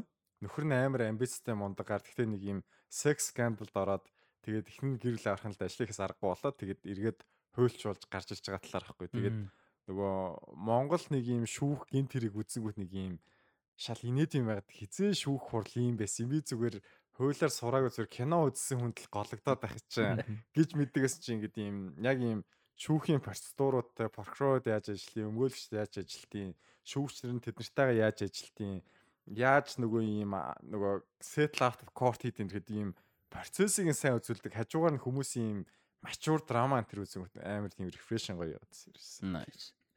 Тэгээд нөгөө подкастн дээр ярих гэж ирнэ Монгол кинод нэлээд үзээд байгаа нөгөө худалдагч охин охин гэдэг. Тэр чинь Хидео Кожима бүр нилээ явуулаа өстэй. Тэ. Ингэсэн шүү дээ. Тэ. За өөр тайд санаанд орж байгаагаар үтсэн юм юу вэ? Аа тэгээ юу үтсэн нэрээ? Аа sorry, хариултаа. Бүрийн хэмжээний кино. Тий. Бүрийн хэмжээний кино бол би юуг амар онцлмаар байна. Аа 18 онд гарсан Burning гэх кино байхгүй юу? Муракамигийн short story-го сэтүүлсэн. И Чандонгийн найруулагч найруулсан юм бэлээ. Тэнгүүд өмнөх adaptation дээр хэдүүлээ ярьсан шүү дээ. Ямар найруул одоо ямар зохиолч ямар юунаас adaptation хийвэл сайн бүтээл болох юм шиг үнэ гэдэг. Тэрэн дээр би бас Муракамигийн талаар айгу дэлгэрэнгүй яриаг юм шүү лээ. Мураками юу н хамгийн тийм adaptation хийгээд тийм дэлгэцийн бүтээл болоход хамгийн тохиромжтой зохиолч шиг санагдаад байгаа байхгүй. Drama гарлаа, Norwegian үүд гарлаа. Өөрч юу гарлаа. Sunny Burning. Burning тийм. Ийм айгу сайн бүтээлүүд гараад байгаа болохоор бас Муракамигийн зохиолуудыг бас дэлгэцэн adaptation хийгсэй гэж байна. Burning надад амар их таалагдсан. Гэтэ бас муу нас гардаг үстэй. Муу нь юу юм? Норвегийн киноноос тааруу юм шүү. Гэтэ юу юм шүү. Тэр чинь зүгээр их зохиолтой нь харьцуулахад зүгээр юу ирнэ зүгээр зохиолын нумартаад зүгээр яг тэр кино гэдэг утгаар нь үзэл кино нэг сайн гэж болгоод байгаа шүү дээ. Тийм үү. Би ер нь л тааруу байна л гэж ойлгоод. Ер нь бол биш юм шиг үлээ. Norwegian үдээ үд. Burning-ийг би үзсүүнтэй ашгүй таарлаа. Дэлгүүрээс чинь би төгсгөлийн үзэд ингээд ямар мэдрэмж авах хэрэгтэй сайн ойлгоогүй байхгүй тий. Аа за за тэр залуу Стивен юу наваач. Спойлдгүйгээр ярээрээ. Зөв За за хоёул чичээрээ тэгээд. Бит хоёр болон босоо сонсож байгаа үсэг спойлдгүй ярээрээ гэж. Би үрлэр боксэр 5 удаа төгсөн байхгүй. 18 онд гарсан ихээр одоо 19 онд ирэх жилд Parasite гарч байгаа шүү дээ. Parasite-аас өмнө баг Burning ингээд Оскар номинашн энэ тэргээ барыг явах боломжтой гэнэ санагдаад байгаа байхгүй. Burning-ийг манай мөөгийн хин хоёр Дилэн хоёр үзлээ хин хэдэрлээ үздэг байхгүй тухайн үед нь. Тэр чи what the fuck ямар тэнэгтэй наваа гэдээсэн баг. Тэр би тэр үед үзээгүй л дээ. Тийм төгсөлд надаас нэг тийм конфликтэд мэднэж төрөө тэгээд яг үдсүүн таалагцсан ус асуу гэж бодсон. За та хоёр гоё тусдаа экстра яа. Яг та нөө Мурак Муракамигаас адапт гэдэг гэдэг дээр юу байт юм бэлээ. Аа Ванкровын нэг үгсийн ярилцлага байдаг үлээ дээ. Ер нь ингээд нэг кино мино хийхэд амар инфлюенс болсон бүтээлүүд дунд нь ер нь Муракамигийн зохиолууд амар нөлөөлсөн байт юм байл. Nice. А би юу үзсэн нэрэ The Creator үзсэн шүү дээ. Аа. Гур айгуу таалагцаад үзсэн үү? Үзсэн дээ. Үзэн дээ. Хүмүүс- театрт үзчихсэн гэж Хүмүүс гэхдээ нэг энэ дэр нэг юм сонирхолтой юу conversation яваад байлаа л дээ зүгээр. Надаа за кино нь бол надад амар таалагдсан. Бүр үнэхээр таалагдсан. А юу гэдэг 100% original кино гэж хэлэхгүй. Угаасаа тийм чинь амар олон science fiction science fiction биш ч гэсэн кинонуудын инфлюенс угаасаа байгаа. Ялангуяа science fiction fantasy original юм ихэд инфлюенсгүй нэг угаасаа байхгүй шүү дээ. Тэрийг нэгдүгээр хүмүүс ойлгохгүй байх шүү. А нэгдүгээр А хоёрдугаарт ойлгохгүй гэдэг нь ойлгосон ч хүлэн зөвшөөрөхгүй зарим нэг нь ингэдэг шүү. А тэгвэл тэрний эргэн тойронд байгаа conversation болохоор яаж юм гэсэн чинь original кино ингээд байхгүй болчихжээ. Тэ ингээд дандаа ингээд sequel prequel uh, adaptation тэ ном whatever comic ингээд ингээд байна. За тэгээ original кино гарангууд нь наа чи ингээд юмнаас influence болцсон байна. Тэгээ тэр нэг юм амар ядаргаатай ишүү байгаа байхгүй. Тэрэн дээр та хэд ер нь юу гэж бодё? Одоо яг original санаа үгүй гэдэг дээр ялангуяа хэдүүл одоо энэ All About Mother Enter гэдэг шиг зөвхөн Hollywood кино үзэхгүй байгаа шүү дээ. Мэдээж жижиг кино зөндөө үзэж байгаа. Тэр дунд мэдээж originalism зөндөө байгаа. Энэ тал дээр яг ингээ ялангуяа blockbuster ч юм уу одоо mainstream гэж ярьч тэ. Mainstream киноны хүрээнд яг нэг original үгүй мүгүй гэдэг нэг тийм дебет байгаа шүү дээ. Тэр сэдв дээр ер нь ямар хуу сэтгэлдэлтэй бодолтой байдیں۔ Та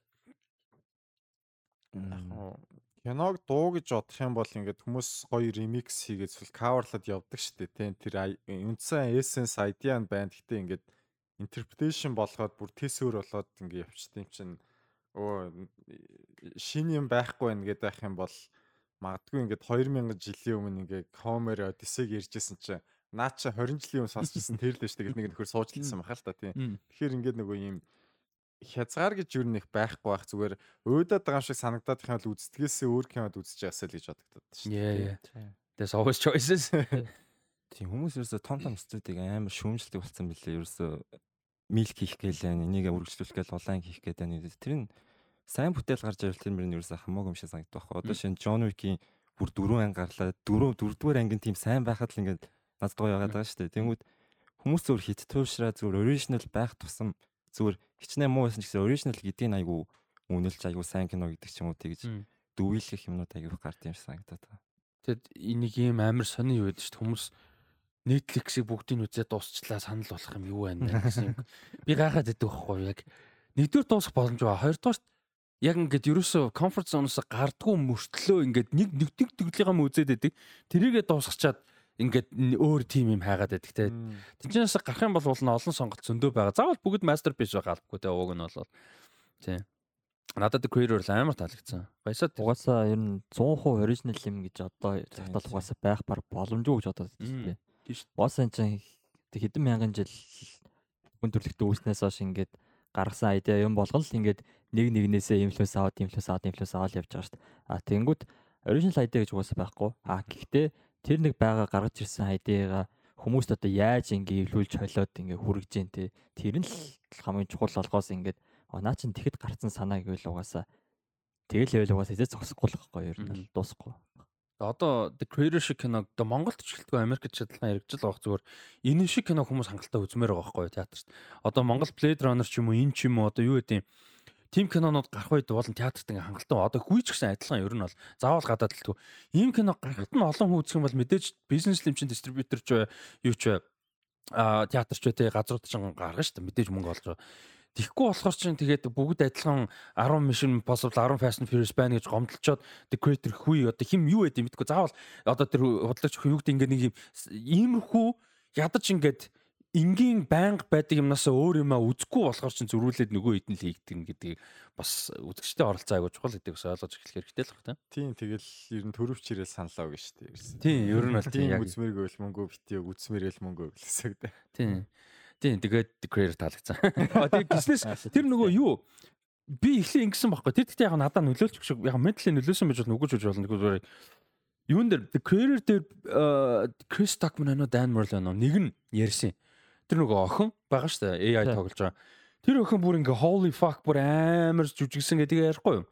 Тэгээ би тэрийг нэг юм бодоагүй байсан. Тэгээд яг үдсэн чинь holy shit амар юм лээ. Тэгээ би бүр тийм жоохон одоо 9 настай гэж байгаа. Тэгэхэр чин тэр зураг авалтаар хэдэн 8 8 тааж байсан болж таарна шүү дээ мэдээж тэр том production. Тэгэнгүүт бүр үнэхээр natural за бүр ингээд амар сайн жүжиглэж. Тэгээд сайн гэдэг нь заавал уйлал орлоо тэгэндээ биш. Яг ямар ситүэйшнүүдэд ямар реакшн гарах, ямар хуу юм болж байхад тэр дүр юу илэрхийлж болох вэ? Ямар нүүр хувирлалтай юмнууд нь яаж болох вэ гэдэгтээ бүр. Тэгээд Джон Дэвид Вашингтонтэй тэр чин одоо хэдүүлээ практикл бодох юм бол Джон Дэвид Вашингтон тэр нэг сэн а Джон Дэвид Вашингтон талаас нэг юм яриад нөгөө хүүхдийн талаас нараад чи хоёр тусдаа шот байгаа шүү дээ. Одоо зураг авалтын тайзан дээр бол тий. Тэгэхэд тэр хүүхд бүр ингээд яг үргэлжилж байгаа юм шиг тий ямар ч тийм юугүй юм шиг амар мундаг явж байгаа байхгүй нэг син партнер гэдэг юм уу. Тэрнтэйгээ бүр ингээд супер ажиллаж байгаа байхгүй. Нэг тийм туршлагатай жүжигчд л өөр хүмүүстэй хамт ингээд юм син партнер амар мундаг явдсан шүү дээ. Тэр мөр амар мундаг. Яг хөө жоохон хүүхд сайн байлаа гэдэг дараа нь том болоо сайн болно. Үргэлжлэн гэсэн үг биш ч гэсэн яг тийм одоо Six Sense-ийн хэн блэ? Тэр мэр тэгээд нөгөө юуны of the Southern Wild-ийн Convention Wallace байна. Тэр мэр тэд нар шиг юм Omni бацаан тэр 70-аад оны. Тэд нар шиг юм жоохон хөвгтүүд ийм жоохон мөртлөө амар сайн жүжиглэлтэй айгүй цөөхөн гэж санаанд орсон. Айгүй гоё байсан. Тэр талаар. А тэгээд visual нь. Яаж хүн болон visual магцсан үнэхээр магтгаар юм бэлээ. Тэгээд хамгийн гол нь одоо цагт магтагдах юм нь юу вэ гэхээр 100 сая дотор хийсэн байхгүй бажт 100 хүрэхгүй 85 он сая ч гэлүүдээ. Тэгэхэд юу Fast X 350 350 сая доллар хийсэн гэсэн заяа. Жишээ нь Marvel-ийн сүүлийн дээр одоо Quantum-ийн энэ чинь 200 гаруй сая доллар хийсэн ямар харагдгийг бид нар мэдэж штэ. Тэнгүүт энийг энэ чинь 80 хэдэн саяар ийм амар бүр тасрахаа хийж болж гин гэдэг болохгүй биш юм байгаа хгүй мөнгөөр зоддаг асуудал биш байгаа хгүй. Тэгэхээр нөгөө том студиудын шүүмжнээс нэг нь үхээр яарад шахаад тэ хүмүүсийг зовоож ингэж хийдэг. Тэгхгүйгээр ингээд яг юу гэдэг юм бодит боломжит цагийн хугацааг нөгөөд тэгээ тэр хүмүүсийг нэг зовоочихгүй шиг ажиллуулад тэ зөв цалингийн нөгөөд ажиллуулчих юм бол дасгал бүтээл хийж болж байгаа байхгүй тий. Тэгээ дээрэс нь бас найруулагч юм байгаа л да. Хин Gareth Edwards ч одоо сая ярьсан Rogue One-ыг найруулсан. Ам уучлаарай. А Monster гэд өөрөөхөө Monsters гэд амар сайн жижигхэн инди sci-fi жижигхэн сүхтэй. Чи үзчихсэн үү? Сонсчихсан үзье гэж бодлоо. Айгуу сайн кино. Би э, тухайн үед нэг sci-fi дуртай болохоор хайсарга үзчихсэн. А тэгээд Godzilla-г найруулсан. Яг Godzilla дуртай дургуу янз бүр юмс байдаг. Гэхдээ visual талаас нь бол амар шүү дээ. Ядаж тэ санал нийлж болох юм. Тэгээ тийм болохоор яг найруулагч бас хамаатай л шүү. Харин нөгөө юу би одоо нэг илүү продюсерийн чиглэлийн хийгээд болохоор ингээд энэ шиг кино гарахын тулд ингээд Пичийн яаж хийж исэн юм бол яаж тэр executive-ийн ингээд энэ Marvel-тай ямар ч холбоогүй л те. Гэхдээ ингээд 100 сая доллар өгөөч гэгээд үнэмшүүлсэн бол гэдгийг хармаар байгаа юм ерөөсөн. Тэгээ тэрэн дээр нөгөө хин Крис Токман амар гоё видео хийсэн байсан. Манайч одоо нэг фильммейкер болж байгаа шүү дээ. Кино хийж байгаа, киногоо хийж байгаа. Тэгээ тэгсэн чинь яг creator review гэхээс илүү нөгөө бас давхар original кино гэдэг сэдвээс нэртэй. Мань тэгээд захгүй. Ингээд студиуд хөрөнгө оруулагчид яг том кинон дээр те яг жижиг үлж том кинон дээр ингээд адилхан хүмүүсэд байдаг. Тэгээ одоо яг чиний хэлдэг те ингээ Marvel шиг те Mission Impossible шиг адилхан ч ихтэй зүгээр батлагдсан л юм хүсэж байгаа. Батлагдсан юм. Ингээд ингэн ийм дүр гарч ирээ ингээд Dwayne Johnson ингэн гэдэг юм хүсэж байдаг. А тэгэнгүүт Gareth Edwards шиг хүн ингээд original те яг more or less original юм. За IP нь бол original шүү дээ. Ийм ингээ хийх гэдэг ирэнгүүт заавал За энэ мем нь тэрэн шиг, тэр юм нь энэ шиг, ийм юм нь энэ шиг, тэгээ трейлер нь тэрэн шиг, тэгээ айдиа нь энэ шиг гэд ингэжээч мөнгө оруулах одоо хөрөнгө оруулалт авах шаардлага гараад байдаг. А тэгээд creators харах юм бол хүссэн үсэг тийм зүйлүүд байгаа. А надад таалагдсан мөртлөө тийм зүйлүүд л байсан. Магадгүй тэгхгүйгээр яг Gareth Edwards-ыг хүсснээр нисэн бол энэ кино бүр ч илүү сайн болох байсан юм билүү гэсэн point яриадсан байхгүй яг шууд гэж хэлээг л дээ. Айдиа. Тэгээ тийм болохоор бас иймэрхүү кинонод тэмцэгдээд яваасай даа л гэж найдаж шин. Найруулагч нь ярилцлага байлаа шүү. За, Letterboxd-ийн YouTube Letterboxd-ийн YouTube channel дээр нь. Оо, nice. Тэгээд яаж ийм том ийм киног ийм баг бажтанд ингээд багтаага хийчвэ гэсэн талаараа нэг ярьсан юм. Би нэг хальт сонссон. Nice. Тэр нь бол яг нэг зураг авалт юм юм төлөвлөгөө юу юм амар тийм ухаалаг байдлаар хийх хэрэгтэй гэдэг талаас нь л ярьсан л л л тээ. Nice. Тэгэл ч нэг шот мото төлөвлөхөөсөө л ахуулаад эхэлж байгаа шүү дээ.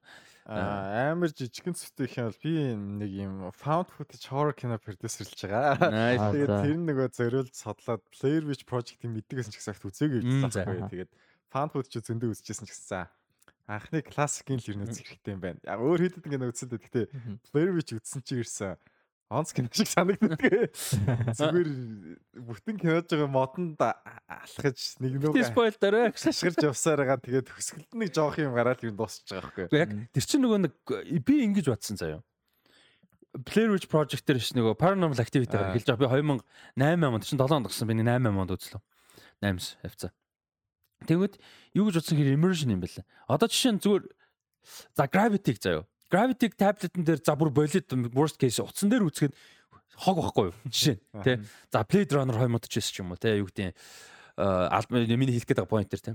Тэнгүүд одоо 1917 гэдэг. Тэнгүүд юу болохоор надад тэгэж бодогдсон. Found footage болохоор яг орчин нөхцөл нь бүрдэх юм шиг байна. Яг ингээ харанхуй байх хэрэгтэй те юу ч фокуслах өөр юмд анхаарал одоо сатарахгүй байх хэрэгтэй гэдэг ч юм уу. Тэгээ ерөөсө тэр болж байгаа үйл явдлыг found footage өөрөө нэг тийм сонио өөр төрлөх гэдэг бид нар ингээд нөгөө ертөнцийг дөрөв дэх ханаас хардаг штэ бид нар кинонд бүгдээрээ дандаа. Тэгвэл found footage чинь бид нар явах хэрэгтэй болчиход байгаа байхгүй. Дөрөв дэх ханаас харах биш. Баг энэ видео геймерхүү бид нар ингээ хараад явах хэрэгтэй. Тэгвэл амар immersive system ба тэг би paranormal activity амар санагдчихсан байхгүй юу? Тэг амар юм нэг байхгүй заа уулна. А гэтээ ягаад тэгсэн гэхээр амар immersed болсон. А тэгээд дараа нь би нэг 2 3 жилийн дараа яг тэр Blair Witch Project үзгээд яг тэрийг ойлгосон. Яг яг анхандаа санал нэг байж болохоор байхгүй. Юу ч нэг болохгүй за яг ер нь бол.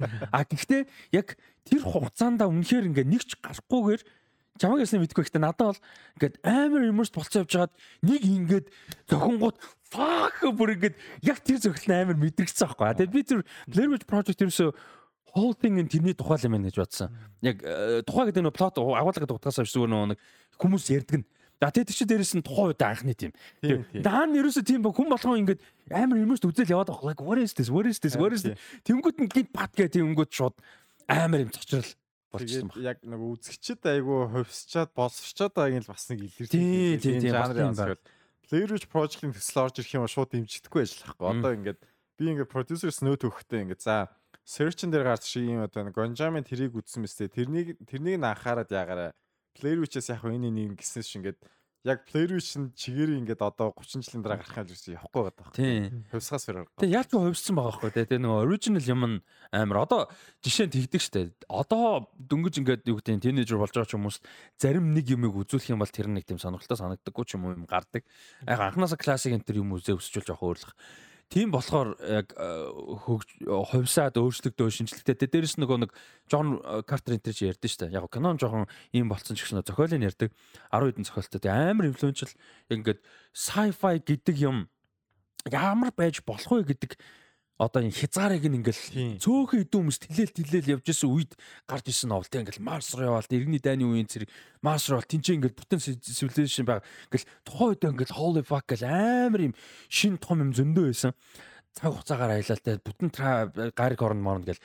Тэгээд тэгсэн чинь Тэмчнээс асар олон инфлюенс авсан гэж байгаа байхгүй. Дараа дараагийн новелуудад одоо Dune Moon амар олон инфлюенс авсан. Star Wars ч гэсэн тэг кинон ингэж явж байгаа дараа нь ингээ орчин үед John Carter тэр яг хэсэмнэр тийм муу кино нэг биш байхгүй юу? Not trash. Айгу урт байсны санаа тийм яг сул юмнуудтай. Гэтэ ягаад ч одоо хүмүүсийн яриад байдаг шиг траш ерөөсөө биш. А гэхдээ нэг амжилттай бол байгаа. Тэнгүү тэнцэн зүгээр ингээ үзэхэд агуулга талаас нь харахаар оригинал юм байхгүй санагдаад байгаа байхгүй. Гэхдээ уул нь мань тэ зохиол нь өөрөө уул нь ингээ асар олон юмнээс өөр байгаад байдаг те. Одоо Ghost in the Shell мэл тэгтэн штэ те. Ghost in the Shell-с ч асар олон юмнууд ингээ гарцаа Akira ч гэсэн. Тэрний л бас нэг сул тал юм байна. Сүүлийн нөгөө Dune уншихад яг тэгс санагдчихсэн ингээл оо амар лагштай гэл формод хараад амар лагийн махтай гэдээ уншсан чинь ингээд нөгөө томьёог нь анх гаргаад дараагийнх нь 70 жил явсан тэгээд хүмүүс тэрийг сайжруулад нөгөө iPhone 1-ийг нь бид нар очиод харангуут мясагтаад байгаа хөөхтэй нөгөө iPhone 15-ыг одоо мэдж байгаа болохоор нэг нь ингээд харьцуулахад мясагтаад. Гэхдээ анхных нь гарч ихтаа лаг байсан байгаа байхгүй ялч гэдэг. Тэгэхээр яг бид нар яах юм шиг байгаа. Яг тэр контекстэнд оруулж майндсетээ тэрэнд тааруулж консюм хийх юм шиг байгаа. Одоо би энэ Dune бас би тэгсэн бахаа би аудио букер сонс дууссан л да а overall мундаг те мэдээж ингээл intrigue сонирхолтой юмнууд байгаа. Гэхдээ яг тэр гэж ингэж ярддаг шиг ингээд holy fuck гэхээр юм үнэхээр биш байсан. Сонирхолтой санаа юмнууд байгаа. Дээрээс нь үнэхээр тухайн цаг үеийнхаа одоо юм байгаа хгүй нийгмийн ч юм ингээд үнэхээр болохгүй юмнууд энэ ч байгаа. Одоо би бол part 2 дээр бол Дэни Вилнэ өчнөө юм энийг энийг энийг энийг гассан байгаа зэ. Угаасаа одоо цагийн нийгмийн мэдрэмжинд харахгүй юм байгаа. Тэнгүүд яг тэр цаг үед нь л очиж л жоохон мэдрэх систем шүү. Одоо э, Song of Ice and Fire гэсэн Game of Thrones-аас уншихаар би илүү дуртай л та. Гэхдээ л бас л нэг цаг үе юм байгаа хөт чинь бас л одоо ингээ бараг 30 жилийн өмнө болчихж байна те. Бичээд ихснээ бодох юм бол тэгэхээр яалтчгүй тэрийг зүгээр ингээд муу гэсэн үг шахтматар хуучирчлаа гэд. Гэхдээ нийцүүлэх ёстой гэсэн үг ш. Зүгээр тэрэнд нь тааруулж өөрөө консюм систем шиг байна. Тэдний нэг жишээ нь юу юу юу? Kubrick-ийн Space Odyssey байгаа гэхдээ Үгүй ээ Үгүй юу. Space Odyssey бол надад бүр арай дэндүү timeless. Тийм үү. Тий би би бол бодохдоо. Space Odyssey дэлгэцийн урлаг байгаа цагт дотор гэж би бодохгүй цаг ухаас хамаарна гэж би бол бодохгүй. Тийм Space Odyssey бол амар содон амар. Харин хүмүүсийн ревю үзсэн бас аягүй хуваагдаад байдаг байхгүй. Тийм. Би бол тэгэж бодож. Аа тийм Shining дээр санал нийл шүү. Shining бол тийм э яа окей. Дэж үфтэр. Space Odyssey ингээд дангаар нь үзэх надад хангалтгүй санагдаад байна. Бүрэн мэдээлэл авахгүй юм шиг. Тэгээ за Орс equivalent би Solaris-ыг үзэх байна. За дараа нь remake-нээс. Өө Solaris чи өмнө нь эхлээд нэг юм made for TV кино байсан юм биш үү? Өө бүр 40 дон дахиад 50 дон дахиад нэг хөлбөрнөөс юм биш тэгээд тэгээд ингээд нэг юм үзэх гэхээр ингээд дандаа өмнөх юмд нь үзэх хэрэгтэй болоод тэгээд бөөн гэрийн даалгавар байсан. За за Future Amaгийн шинэ ангийг үзтээ. Season 8. А тэгтээ influence нь амар л да Space Odyssey ялтчихв. Space үзэх гэж 3 удаа эхлүүлээ 3 удаа унтсан шүү дээ. Rust-ыг театрт гаргаж байхад нь би яг хэрэгтэй болж үзчихсэн. Манай хүн бас гэж хамшиг унтсан. Гэтэ надад театрт үзэл амар гоё исэн тий. Айгу театрт үзэл байр унтахгүй хаа. Театрт бол гоё байсан. Яалч гоё байсан. Айгу санах.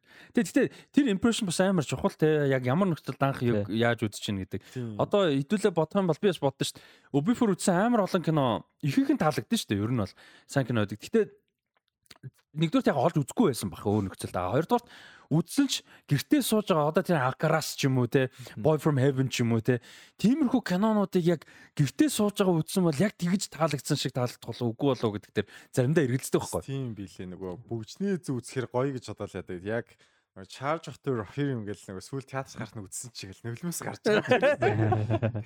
Амар тийм бүр сүүл театрт гоё байсан тийм. Үнэхээр гоё байсан бүр. Тэгээ сүүлд Return of the King дээр бүр кредитийн бүтэн дууссан шүү дээ албаар бүр. Тэгэхээр ингээд нөгөө кино үздэг үзэх дуртай бол ингээд Монголд ийм ховор боломж гарч байгаа дээрээс ингээд үзээсэй л гэж боддог. Ингээд тэднэр чинь хүмүүс үздэг юм байна гэдэг нөгөө захирлууд нь харж ижил дараагийн хөтөлбөрүүдийг дэмжин хүн үзэхгүй бол явдгүй юм бэлээ наатах бойл Тэгэл нөгөө баян болоо үзэл гэж. Тэгээд сайн нөгөө нэг сүүлийн нэг жил хоёр жил юу яасан штэ театрууд яг аль дистрибьютор наваад яасныг сайн мэдгүй. Гэхдээ нэлээд хуучин кинонуудыг дахиж re-release хийж гаргасан шүү дээ. Godfather-ыг те Dark Knight Trilogy-г Lord of the Rings дааш тэгээд айгүй тулж мэдээлэл нь ирээд байсан юм. Ерөөс яг нэг гоё жоохон эртээч бол болно. Гэхдээ Inception, Interstellar-ыг уулан гарсан шүү дээ. Тэгээ тэр нь гоё байгаад байгаа байхгүй. Тэр чинь тэр боломж нь байх хэрэгтэй. А гэхдээ зөрүүлээд бас нэг юм байгаа нь өөрсдөө тэнд хангалттай ач холбогдол өгөхгүй байгаа санагдаад байна. Итгэвчүүлэлтэн дээр хүмүүст хүргэх дээр төлөвлөх а дээрэс нь screen энэ. Зарим киног нь бол амар хогийн танхимдаа хогийн ингээд юугаар гаргаж байгаа байхгүй юу дэлгэцэн дээр те дэлгэц мэлгэцэн ингээд сонир манд болж малчсан. Batman Begins яг тэгсэн шүү дээ. Мм тэгсэн гэстэй нэрэ. Dark Knight нь нэлээ аль нэлээ ямартаж бүр Rises баха. Би Begins-ийг бол гайг үтцсэн юм аа. Rises ямартаж аль нэг нь бүр ингээд бүр амар юм уу тавтай л орчуулан орчуулан дээр айгу хайн ганц мэдээд байдаг шээ. Тэгэхээр ч анханасаа бас болохгүй байгаа байхгүй тий. Тэгэхээр тэрэн дээр хүн их үзчихэж ач холбогдол юм уу? Ач холбогдол өгчиж хүн их үздэг болох юм уу гэх нэг асуудал болчиход байгаа юмсан. Гэхдээ тэгэл quality юм яг тусмал хүн чи appreciate дээ. Одоо жишээ нь Interstellar ингээ үзсэн. Interstellar яг би тийм амар дуртай кино биш. А гэхдээ юу appreciate хийдэг бол том дэлгэцээр үзэхэд гоё кино. Ямар ч байсан. Тэгэхэд тэрийг бол би баг энэ нэ би энэ сүртэй мундаг ТV-тэй биш. Гэхдээ баг энэ үзсэн илүү дутаа үзгэр байсан байхгүй. Саунд энэ тооцвол тий. Тэгсэн чи дэлгэцэн дээр нөгөө нэг прожектор нь ингээд нөгөө юу яагаад эхэлсэн муудаад эхэлсэн шатаад эхэлнэ яана гэдэг үлээ те тэр прожектор чи. Линз нь линз нь ингээд флэрийг эхэлсэн.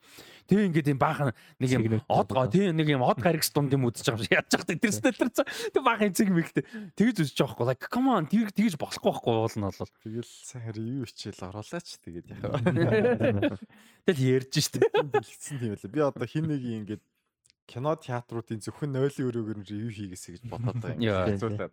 Ер нь үйлсний газрууд энэ үү? Тэгвэл өстө гач юм байна шүү. Anyway. За тийм тэгээ ойр тиймэрхүү юмнууд үзчихэж байна. А тэгэд Castlevania Nocturne нэр амар таалагдсан. Би үзээд дуусгаагүй байгаа. Тэгээ үзэж дуусна. Би нөгөө манай битэр хуйла Castlevania амар дуртай. Тэгээд манай өнөө гүйдэж үзээ үзэж амжааг байгаа. Тэгээд би гүйдэж битэр өргөжлүүлж хамж дуусгах гад тэгээ хүлээж байгаа. Аа тэгээд тэрүүгээр шууд өргөжлүүлчих. Өнгөрсөн 7 хоног drop technique гэд бид эдийн юу болсон? а бид нөгөө бичлэг дуусгачаа үзсэн. А шөнө 12 цагаас яг цаг 30 минут үргэлжсэн. А дундал нь ер нь бол 30 минутын юунууд явсан, футэж явсан. Яг 90 минут биш ээ. Нэг цаг нь бол яг Castlevania гарсан. Дунд нь хуваагаад. А тэгээд юу нээр таалагдсан одоо хэм маяг нь хэм одоо visual хийцэн амар гоё байсан. Яг ингээд нэг юм 10 хэдэн одоо ингээд нөгөө видео тоглоомноос дүр сонгож байгаа юм шиг юм юу та графиктай. Тэгээ тэр тэгтээ хал устцсан байлаа. Тэгэхээр ерөөсө тэр үед нь үзсэн хүмүүс л тэрийг үзсэн юм байлаа. Тийм. Тэр лайв нь одоо байхгүй юм байлаа. Тэгээ ингээд дүр сонгож байгаа юм шиг тий. Нэгэн дээр нь дарангуут ингээд жишээ нь Castlevania-г эпизод бутан гардаг ч юм уу тий. Эсвэл нэг трейлер гардаг ч юм уу. Иймэрхүү байсан. Тэр стайл нь бол амар таалагдсан. За тэгээд нэг тийм хуучны аркейд тоглоомны юм аягтай юм тий. Тий, график нь жоохон аргуудуу тий. Тэр мөр нэг гоё. За зарлагдсан онцлог юмнууд юу вэ нвэ гэдэг яг хоо Castlevania-гаас гадна хэдүүлээ Castlevania гэдэг товчхон бас ярьчих гэж бодож байна. Short review маягаар тий quick. Аа за ийм иймэрхүү юмнууд зарлагдсан байна. А Captain Laserhawk А Blood Dragon Remix гэдэг нэртэй амар сонирт. А ийм цуврал бол гарах юм байлээ. 10 сарын 19-нд гарна R-rated. Тэгээд нэг юм fantasy юм шиг, sci-fi юм шиг айгүй тийм сонин содон олон төрлийн character-уудтай акшнтай ийм цуврал юм байлээ. Тэгээ Ади Шанкар бас хийж байгаа. Ади Шанкар одоо юу хийснээр хүмүүс бол мэдэх бах. Castlevania гол нь одоо хамгийн хамгийн том амжилттай юм бол Castlevania. А тэгээд Pluto гэж цуврал байгаа. Энэ болохоор 10 сарын 26-нд гарна. Энэ нөгөө юуны Astro Boy. А тэгтээ амар dark. Тэгээ тэгсэн чинь хин тэгэлээлээ би Темкатай хайлт ярьжсэн чинь Astro Boy угаасаа амар dark гэсэн. Угаасаа манга амар dark. Тэгээд тэр нөгөө манганыхан зохиолч ингэлээ Темка амар мэдээ сайн мэддэм байлаа. Тэр хүн угаасаа тэр зохиолч нь угаасаа амар юм dark юмнууд угаасаа бичдэг гэсэн. Ер нь бол тэгэхээр Pluto анханасаа тийм dark байх нь make sense гэж хэлээ шүү. А тэгээд 10 сарын 26-нд Pluto гарах юм байна. 11 сарын 3-нд Blue Eye Samurai гэдэг зурлаа. Тэр бүр нэлээд анхаарал тэр амар гоё харагдтал. Сонирхолтой харагдтал. А 11 сарын 17-нд Scott Pilgrim Takes Off. А тэгээд 24 онд Tomb Raider The Legend of Lara Croft. А 24 онд бас Masters of the Universe Revolution. А тэгснэ Devil May Cry дээр одоо цуврал хийж байгаа гэдэг нь анх анонс хийж байгаа.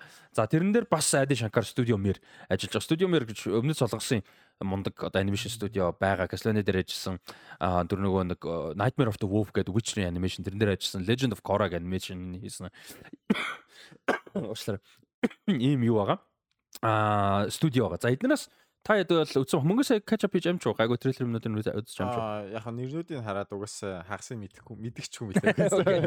Аа юунуудаас энэ project-уудаас аль нь хамгийн сонирхол татав ямар хүлээлт үүсгөө гэдэг дээр товчгаараас. Хамгийн сонирхол татсан гэл ялч тэр Blue Eye Samurai. яг угаасаа эхлээд нөгөө трейлерыг үзэхэд чи угаасаа яг юу нь юу гэдээ мэдэхгүй үзэж байгаа шүү дээ. Баахан юмнуудаа хойлоод гаргачих жоох. Ингээл нөгөө видео тоглоом character шиг ингээл явжснаа нэг ингээл нэг юм сонгоод юу болчих байгааг мэдэхгүй шууд үзэж байгаа байхгүй. Тэрнээс өмнө трейлер байсан шүү дээ. Тэрэн дээр ингээд яг юу нь юу гэд мэдэхгүй ингээд. Аа тий тэгсэн. Тэгжсэн чинь яг дунд нь яг нэг цэнхнүүдтэй самурай нэг тийм амар гоё вижюал амар содон вижюал амар содон вижюалтай харагдаад тэгээ тэр нь гоё нь ямар сонирхолтой ингээд Тэгээ би ч угаасаа багасаа самурай жек фэн байна. Тиймэрхүү мээр сонирхолтой. Тэгээд За энийг л хүлээж байгаа харъя гэдэг. Тэг яг тэр нөгөө нэг юу drop 1 гараад юу яхад яг самурай оронгууд яг таалагдсан л та. Тэр тэр трейлер нь бол яг өөрийнх нь зориулж хийсэн трейлер нь. Яг ч тэрийг л үзнэ гэдээ бодож байгаа. Nice. Тэгээ Scope програмыг бол өстой гарсан өдөр нь гарсан цаг даруйд нь баг шууд үзэх баг. Nice. Тэгээ Scope програм өмнөх дугаар зэрэг бас ярьцаа амар хүлээлттэй. Тэгээд өөр сонирхолтой нь Pluto байна. Astro Boy ч бас намайг багт анимашн аниматор байдаг гэсэн бас Astro Boy миний багнаас айгу танил дөрүүдээ нэг. Тэрийг бас ингээд Android анимашн болгоод гаргаж ирэх хэрэг айгу сонирхолтой таа. Тэнгүүд Pluto гүц хүсэл амар их төрж байгаа. Nice. Pluto 10 сарын 26-нд, Blue Eye Samurai 11 сарын 3-нд юм байна. Тэгээ надад тэр юуг би сонирхож гэж бодоод байгаа. Тэр Captain Laserhawk гэдэг ганц хоёр эпизодыг үзээд э, бас гоё байвал нэг тийм дандаа түрүүний конференц зон гэдэг шиг те өөр ингээ мэдгүй юм бас ормоор байгаа байхгүй. Юу хүнөө бас гоё юм билүү те.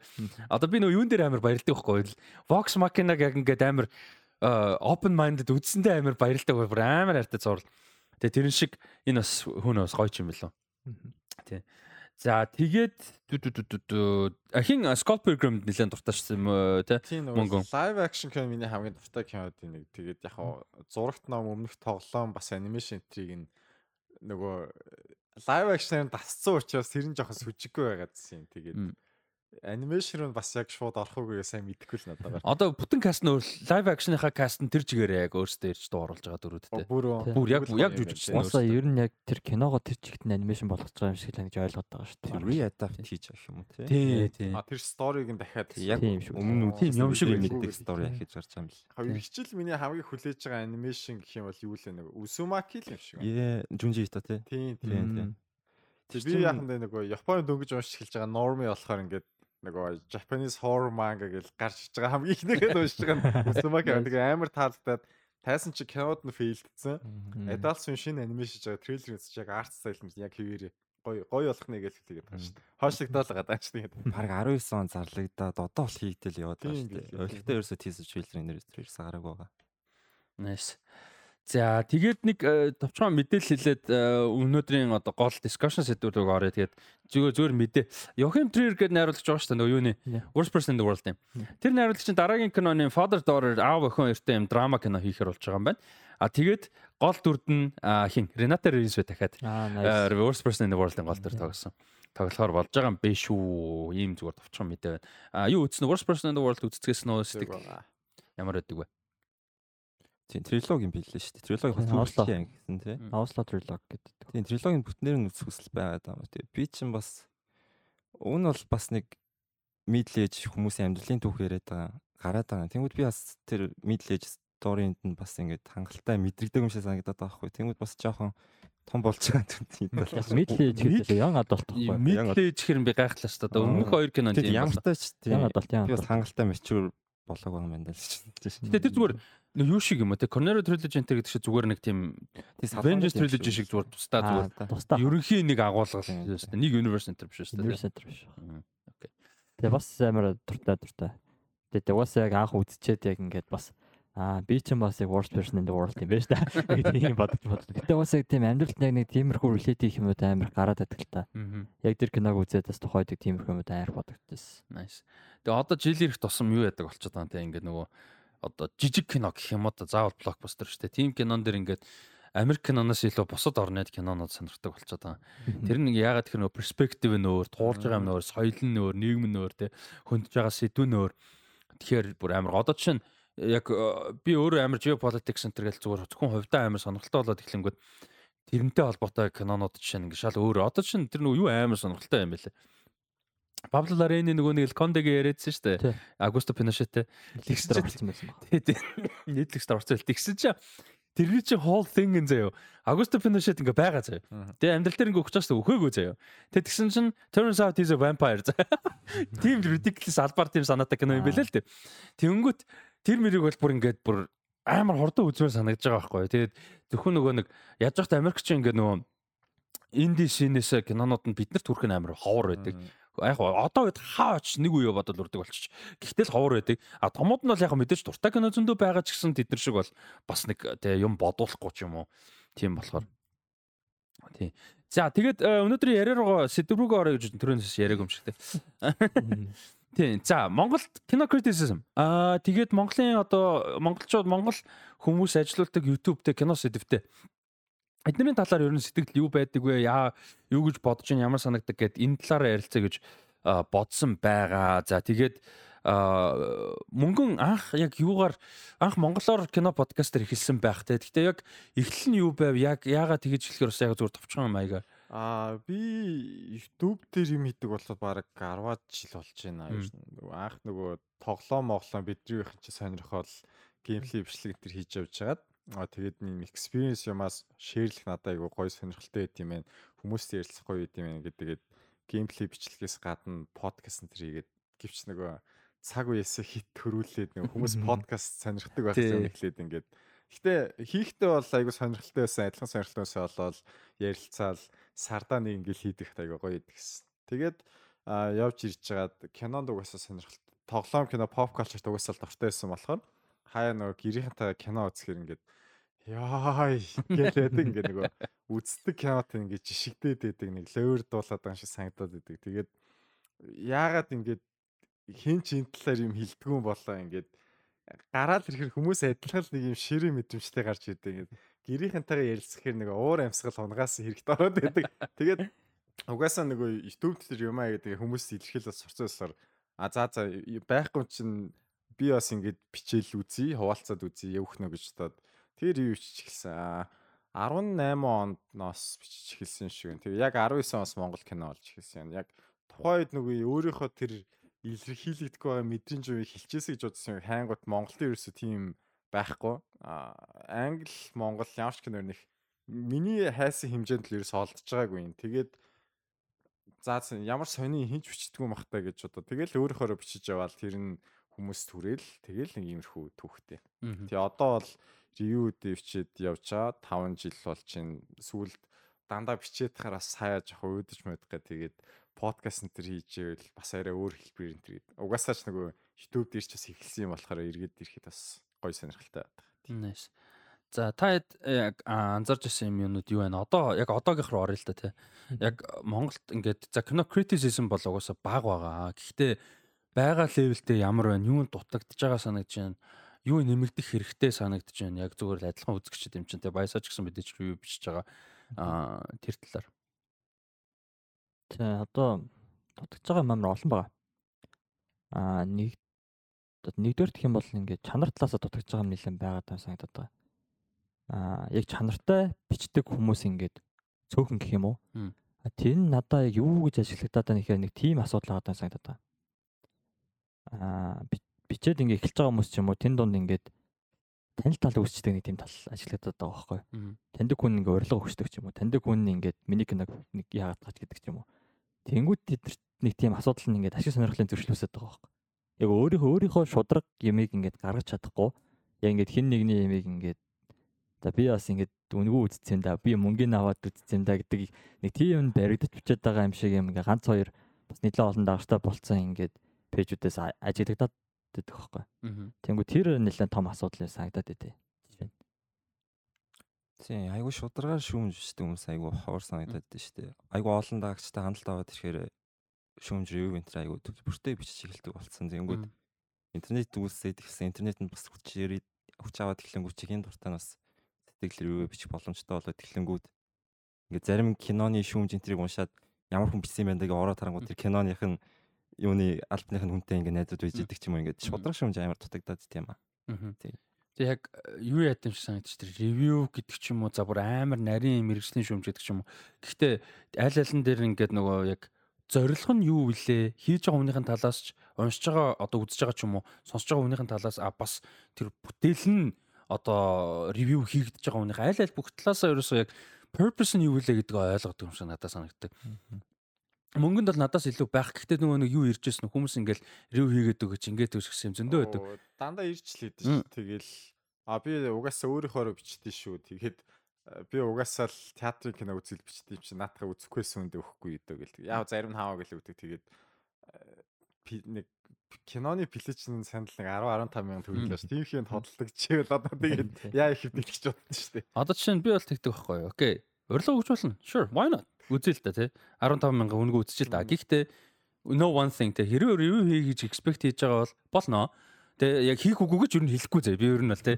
Зүгээр л өгмөр байгаа л өгч болж байна. Окей, баярлалаа тий. Which is nice сайн л биш те юм хийд эннийхээ хүрээнд кино үзчихвэл гэхдээ нөгөө юм хийх албатай биш хоёрдугаарт хийсэн ч ямар ч ингэ дараа нь гомдлох юм байхгүй шүү гэдгийг тэрнээс бол чинтэйг асуудал басан шүү дээ би нэг киноноор ингээд уриг өргөдлөө за тэгээ үзлээ за тэгээ ингээд дууссан чинь тэр нөгөө үзэр дээрээ ингээд Монголын анхны өстө preview screen ингээд өөртөө тэгээд яг it wasn't. Биш л дээ. Тэгтэл ингээд өөртөө тэгээд. Тэгээ үзээд дуусаад явжсэн чинь за ингээ манайхан өстө өөрийнхөө сошиал мошлол өстө нэрэ бүгдээр ингээ сайхан магтаад өстө ингээд өгөөрэй гэж бүгдээр ингээ тэгж байгаа байхгүй. Яг гарч байгаа юмс. Тэгээ би яг яг одоо юу гэдэг таньдаг хүн л дээ амар дотн биччихсэн. Тэгээ ингээ хажуугаар хта за яг төрөөсөө сэтгэлээ хэлнэ шүү гэ би хажуугаар гараа явчихгүй юу. Тэгээ тэр хүн ч та тийм expect хийчихвэ гэ те. Тэгэж хэлээд би ингээ пис цааш та яг сэтгэлээ хэлнэ шүү гэ пис гэ ингээд олон дундуур ингээ гараа явчихгүй. Тэгээ манай дилэн битээр л хэн байла гадаа тамхилаад байжсэн чинь театраас над руу ярихгүй. Тэр театраас нь зэ. Тэгээ таньдаг хүн. Тэгээ хүч чи юу чи яац ийц юу болчих гэдэхгүй. Тэгэхээр нь Гү яаси бисээ зүгээр сэтгэлээ яг боцнороо хэлнэ гэдэг чи тэгсэн чинь. Гү чи ч бараг муулан зуулна гэ гараад авчихсан юм шүү юм шүүгээ. Тэгэхээр гү яаси гэдгсэн чи буцаа ороод ир. Тэгээ буцаж ороо уулзаа. Тэгсэн чинь basically юу болсон гэсэн яг бангар олон минут юм ярьж байгаа шүү. Basically яасан гэсэн чинь чи ингээ гоё чи бро ингээ гоё кино урилгаар ингээ гоё үзчихээ тэгээ муулах байгаа юм уу? Гэдэг юм хурж байгаа хгүй. Тэгээ эцэст нь яаж дууссан гэж бүр ингээ сүулдэ бүр болохгүй за окей би юу ч хийчихэ байли гэсэн. Би юу ч яриахаа байли чимээгүй өнгөрч. Бүр ингээ юу ч болоо юм шиг өнгөрч. Тэгээ эцэг. Тэгвэл би юм ярьж байгаа л би мэдэрснээр ярмаар байгаа хгүй бодсноо тий. Нөгөөт нь болохоор тийм байгаагүй ингээ чи ингээ хүмүүст хүрэх гээд ингэж байгаа чинь бро ингээ гээд хай. Тэгээд эцэг point нь болохоор за окей зүгээр л чимээгүй дуусъя гэдэг бодсож байгаа хгүй. Нэг кейс. Тэгэхээр сая бас тэгээ сүулт бас ингээл нэг удахгүй цуврал гарах гэж байгаа ямар ч тийм юугүй профайлнаас хин мэддэхгүй профайлнаас ингээ зураг морггүй. Тэгээд нуудаг л юм шиг байгаа юм бодвол нэг гарч байгаа цувралын ревю хийх гэсэн өмнө санал манлаа юм. Тэр бүр төсөг ревю гэдэг чинь тэр биш шүү дээ. Like үдэж болно, ярилцаж болно. Та шүүмж амар байл миний одоо чадах мэдэх өөрийнхөө хэмжээ левел юмдаа тэг ингээд би год гэсэн үг шүү. Гэтэл ингээд юу гэдэг өөрийнхөө чадах юмараа шүүм тэр бол байж болох байхгүй. Би бол надаа юу гэдэг би зөвшөөрч болохоор юм бол тэр байгаа. Page session хийгээд тэгээ үзүүл үзээд А тэрэн дээр нь өөрсдөд нь тэрийг нь би өөрөө миний мэдх юм нь юу вэ? Тэрийг why not? Тэгээ би чадж байгаа мэдж байгаа гэж бодож байгаа юм а мөнгө олгож одоо сайн л шүү дээ. Гэхдээ зөрүүлээд хүмүүст пабликт хүмүүст төрүүлэх гэдэг нөө тийм угаасаа байхгүй. Тэр юус ойлгохгүй байх шүү. Ойлгодог хүмүүс бол одоо босод хүмүүс нь мөнгө аваад байдаг болохоор сурцсан юм уу? Тийм л ах. Тийм. Тийм. Яг нөгөө анх харьцангуй эхэлжсэн улсууд бол надад ийм санагдлаа гэдгээ бодож бас магадгүй харьцангуй эхэлсэн. Яванда тэгээ хүмүүс өө ингээд тахаар лайк аваад ит юм шүү гэдэг жоохон тэртэл рүү явсан ч юм одоо. Гэхдээ миний бодлохоор нөгөө хүн бид нар ийм эрхчлөөтэй орнд амьдарч байгаа бүх хүн болгон л хэвлэн нийтлэх ингээл подкаст гэдэг ярих хэрэгчлээтэй учраас тэрийг практис хийж байгаа нь үнэхээр зөв. Тэгээд яг хөө эхэндээ жоохон имзэглэмээрээ санагдаад гэсэн. Гэхдээ явандаа ингээд өө муур ревю хийдэг хүн олон байх тусмаа сайн ревю хийдэг хүмүүс нь ялгарх юм биш үү гэсэн надад нэг имзэглэж яхаа байц шиг. YouTube-ээр дүүрэн влог чанал нь гэтээ бид нэр сайн гэж боддог хүмүүсийг л үзээд явдаг шин тийм тэр яг л бас яг юун дундаасаа шалгархал байх л тох тий ялгархал байх л та. Гэтэ Монголд бас нэг санаа зовдөг юм нөгөө фильтр муутай аудиенс өөрсдөө. Тэгэхээр тэр нэг сул тал байна л да. Одоо критизмын нөгөө тал нь юу вэ гэхээр уран бүтээлчд тийм үү. За уран бүтээлч нэгдүгээр шүүмж хүлээж авдаггүй яг хаа одоо авдаг үйл бас байна байна. Нэг үеэ бодвол бас анх би X35 хийжсэн чиний анхаа ревю бичсэнийг бодвол бас ч гайгүй байх ядаж жоох хувьч гисэн. Тэгэнгүүт аа тэнчнээс ингээ одоо тэр нэг юу гэ групп хэлээ л да. Надаас үсэж just гарч ирээд. Тэгээ сонголтоо санагдаа яваа орчлоо. Тэгсэн чинь ингээ Монголын Монгол кино шүүмж өмч гэнэ нэг тийм групп хэлээ 20 30 мянга ч амар олон хүнтэй. Тэгээд тэгсч тэн чинь ингээ битүү хэрүүл. Одоо тэр нэг миний охинтой гэрлээч хүүтэй гэрлээч гэнэ амар траш постертэй нэг кино Тэгээ тэгсэн чи тэрэн дээр битүү хэрүүл. Тэр хүнийх нь хүүхдэн та нар ингэсэн тэгсэн. Нөгөөтэн за та нар өстө нэрээ муулаад ав мав гэл ингээл нэг юм юуны хэрүүл гэдэг үлээ жалга домны хэрүүл хийгээл тулга тойрсон. Тулга тойрсон жалга домны whatever team төрдөө хэрүүлүүд хийгээл ингээл одоо хүртэл сурахгүй байгаа нэг асуудал байна. А нөгөө талаас фэнүүд нь фэнүүд ч явахтай энгийн кино үзэгчд бас нэг юм амар хэцүү. Одоо жишээ бид нар олон кино үзээд байна тийм үү. Яг завгүй болоо зарим амьдрал завгүй болоо цөөн үзэж байгаа гэсэн general audience-с илүү олон үзэж байгаа. Олон үзэх тусам илүү quality ялгарч эхэлнэ тийм үү.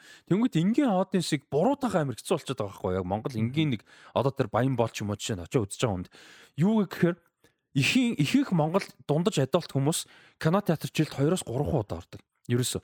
Тэгэхээр тэр хүмүүсийн тэр сонголтыг ингээд муу агаад муу юм дэмжлэх амар хэцүү байхгүй. Амар ажилтай байж байж байж байгаа л нэг өдөр их нэстэйгээ нөхөртөөгөө хүүхдтэйгээ ч юм уу ингээл нэг театр дээр очил зүгээр нэг өнөөдөр театр орж юм үзээгээл очиод юу вэ гээл өөрсдөд нь санагдсан юмыг сонгоод үзэж байгаа. Тэгээд тэр нь байнга үзэхгүй учраас таалагдвал таалагдна. Ер нь толгоогооч ажилуулж стрессийг хүсэхгүй те. Хөөрхөн инээдтэй байвал байгаал окей гэл өнгөрнө. Нэг бол амар зоолоод кино айн шүү дээ яг үнэнг байна. Гэл ингээл өнгөрч байгаа уйллаа сайхан уйллаа гэл. Тэгээд тэрийг бороод байгаа амар хэцүү болчиход байгаа байхгүй. Яг амар дөө chicken neck гэдэг шиг. Тэгээд одоо тэгээд тэр нэг жилдээ 2 3 кино л театрт үзсэн гэж байна шүү дээ. Тэрэн дээр нь яаж тэр үзүүрийн аль аль талдаа ингээд амар эффектив байх вэ гэдэг чинь одоо энэ ревю бичиж байгаа хүмүүсийн тодорхой хэмжээний нэлээд нөлөө байх хэрэгтэй болох л та. Тийм. Уул нь л тийм. Яг одоо тэнгуүтэй өнөө хідүүлэх өнөөдрийн яг үндсэн голбонд яг тэр ихтэй criticism болон YouTube дээрх контент. Яг YouTube агуулсан амар том болцсон. Аа тэгээд Монголын YouTube те тэнгуүт одоо ингэ сая view сонирм биш болцсон байдаг ч юм уу те яг popular юмнууд дундаа. Тэнгуүт би миний ингээд нөгөө нэг YouTube хэрэгэлдэг юу Монгол юм ерөөсөө байдаггүй. Ерөөсөө байдаггүй. Тэгээ хаяа нэг Монгол юм шалгах ч юм уу ингэхээр би инкогнито хийж ордог. Тэгэхгүй бол дараа нь ингээд home page бүр ингээд хог болдог. А тэгээ зүгээр хаяадаа нөгөө инкогнитогоор оронгууд Монгол юм шууд гарч ирж шít. Тэгээ бүр хог байдаг байхгүй юу? Бүр ингээд яг ингээд зөвхөн киноч биш те яг ингээд нэг аваад үлдчихээр агуулгатай quote unquote content ерөөсөө бай амар цөг за байдаг үгээр муухай болчиход байна. Бас байгаа тийч ингээд нөгөө гэж юу юм уу гэгийн зарим нэг видеонууд агүй гоё юм байлээ. Бас тийч сонирхолтой юм байсан. Гэтэ ер нь бол тэгж general. Тэнгүү тэр дундаа киноны хон зав. Амар одоо яг ингээд Монголд ингээ Монголын YouTube гэдэг ингээд пицца чарт болгоод хувь нь хамгийн их өсөлттэй те явж байгаа контент Монгол киноны контент байхгүй. Тэгээ тэгсэн мөртлөө юу нь хамгийн их явж байгаа кино ярьдаг. Зүгээр ингээ кино ярьцдаг, кино зур. Тэгэл ийм sensational thumbnailтэй Тэгэл зүгээр ярьдаг. Тэгээ тэр ярьж байгаа нь ингээд анализис байхгүй, тэрэн дээр point байхгүй, судалгаа байхгүй, шалтгаан нэмжихгүй, контекст нэмжихгүй. А нэг бистаа ингээ ингэсэн чинь ингээд супермен шиг багийн сар устай багийн гарч ирээд ингээд гурван давхар байшин дээр ингээ юугаа яадаг байхгүй мөхгүй гэж ярьж байгаа шиг. Тэгээ home like Homelander яг тэр нь point нөө эсвэл одоо тэгээ like юу вэ гэдэг чинь те бас нэг өөр асуудал те. Ингээд тэр ганцхан channel биш ингээд амар олон channel тийм ба. Бүгд ингээд тэгдэг болсон. Тэгээ бүгд одоо ингэдэг болцсон байлаа. Байгууллагууд спонсор монсор хийхдээ тийм контент дээр спонсор хийх сонирхол бага болоод эхэлсэн. Зөрүүлээд. Яаж ин гэсэн чинь тийм контент за аминга хүмүүст амар хурж ин тийм хэдэн зуун мянган view уурал ингээл ингээл алж байна. За тэгэж удаа спонсор хийгээд мөнгө өгөөд юмар рекламдуулсан чинь худалдаа зөрүүлээ болдоггүй. Ямар ч тийм юм спонсоршип ерөөсө зөрүүлээ юм болдоггүй. Спонсорт ашиггүй. Яагаад тэгээд энэ гэдгсэн чинь тэр хүмүүс зүгээр тэр кино сонсох гэж клик дарж байгаа. Амар чанаргүй кликнүүд гэсэн үг байхгүй. Амар олон зуун мянга. Гэтэ ямар ч зөрүүлээ ааж ганц юм нь тэр хүмүүс яг нэг YouTube-ийн viewer мөнгө авч боломж бол мэдээж байгаа. Advertisement. Тэгээд гэхдээ ихэнх нь Монголд болохоор бас тэр нь хэцүү. Гэдэг ч юм уу. Эднэр дээр мөнгө ямар сэтгэлээ одоо чи яг энэ дээр эхлээд хийжсэн хүмүүсийн нэг тэгээ дээрээс нь яг чи өөрөө үздэг үгүй би сайн мэдэхгүй байна. Гэхдээ зүгээр ядаж өөрөө хийдэг хүнүүдэд тэрэн дээр юу гэж боддیں۔ Тэгэл ер нь хөгжлийнхөө дагуул явж байгаа болов гэж боддоо шүү дээ. Аа юм байх хэвээр тийм байх хэвээр гэдэг юм бол нөгөө настай бол сууч шиг болчихно.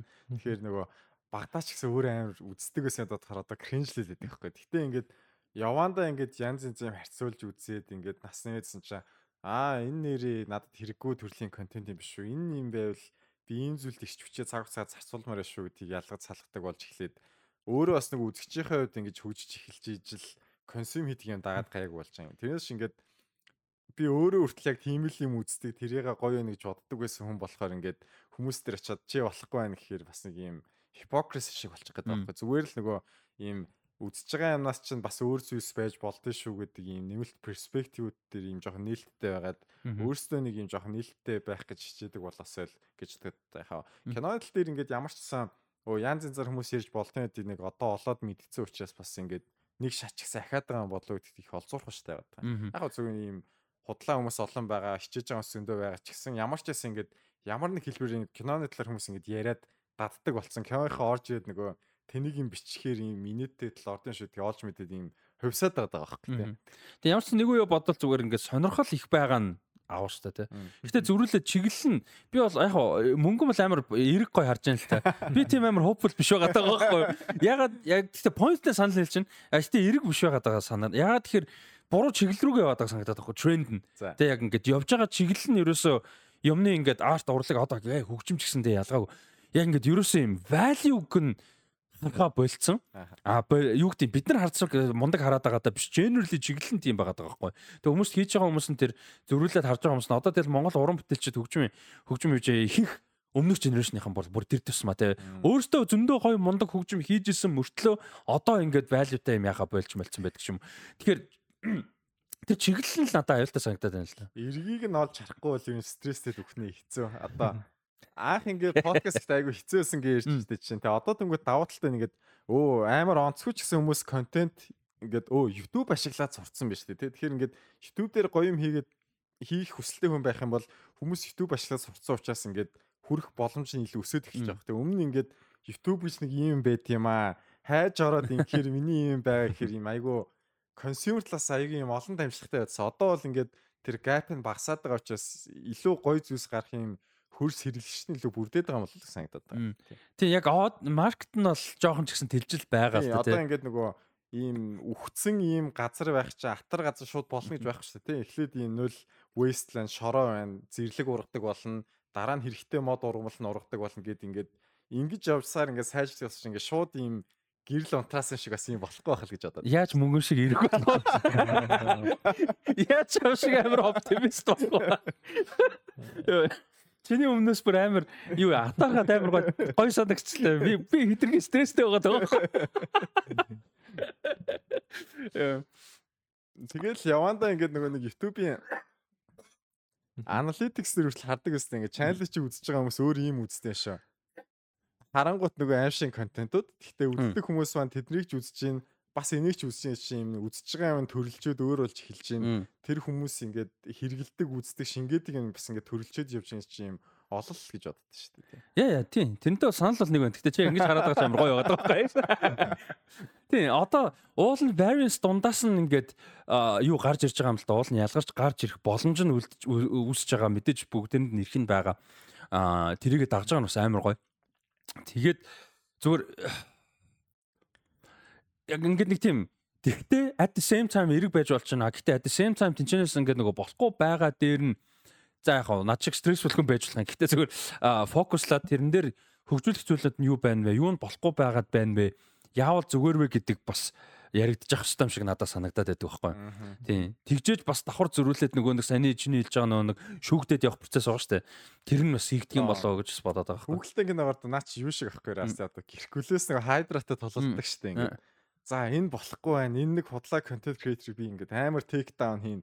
Тастаал хийн дараачийн хүмүүс байж л байхгүй те. Тэрний он тиймд ирчүүц цаг хугацаа зарцуулж ихийнхээ оронд өөрийнхөө контрибьют хийж болох эерэг зүйлдээ ингээд хүч чадлаа зориулах юм бол ингээд тэрнээс илүү их бенефит өгөх юм болоо гэж надад харагдаад. Тийм, ер нь бол тийм баг. А тэгээд дээрэс нь өөрөө хийж чадах позитив зүйл дээр төвлөрөөл тийм. Нааш энэ ингээд нөгөө битэрийн дараа нь хийж байгаа контентын амар гоо тийзер шүү гэсэн. Юу шүү дээ. Нэг сүлд нөгөө нэг а Justice League гэдэг дээ. Одоо Batman гэл флаш хэлдэг шүү дээ. Ганцхан хүн л аварчих. Бити стресс. Тэр шиг ингээд хийж чадах гоё юм дээрээ л Batman стрессний талаар гэхдээ юу зөвлөгөө аваад юм яа.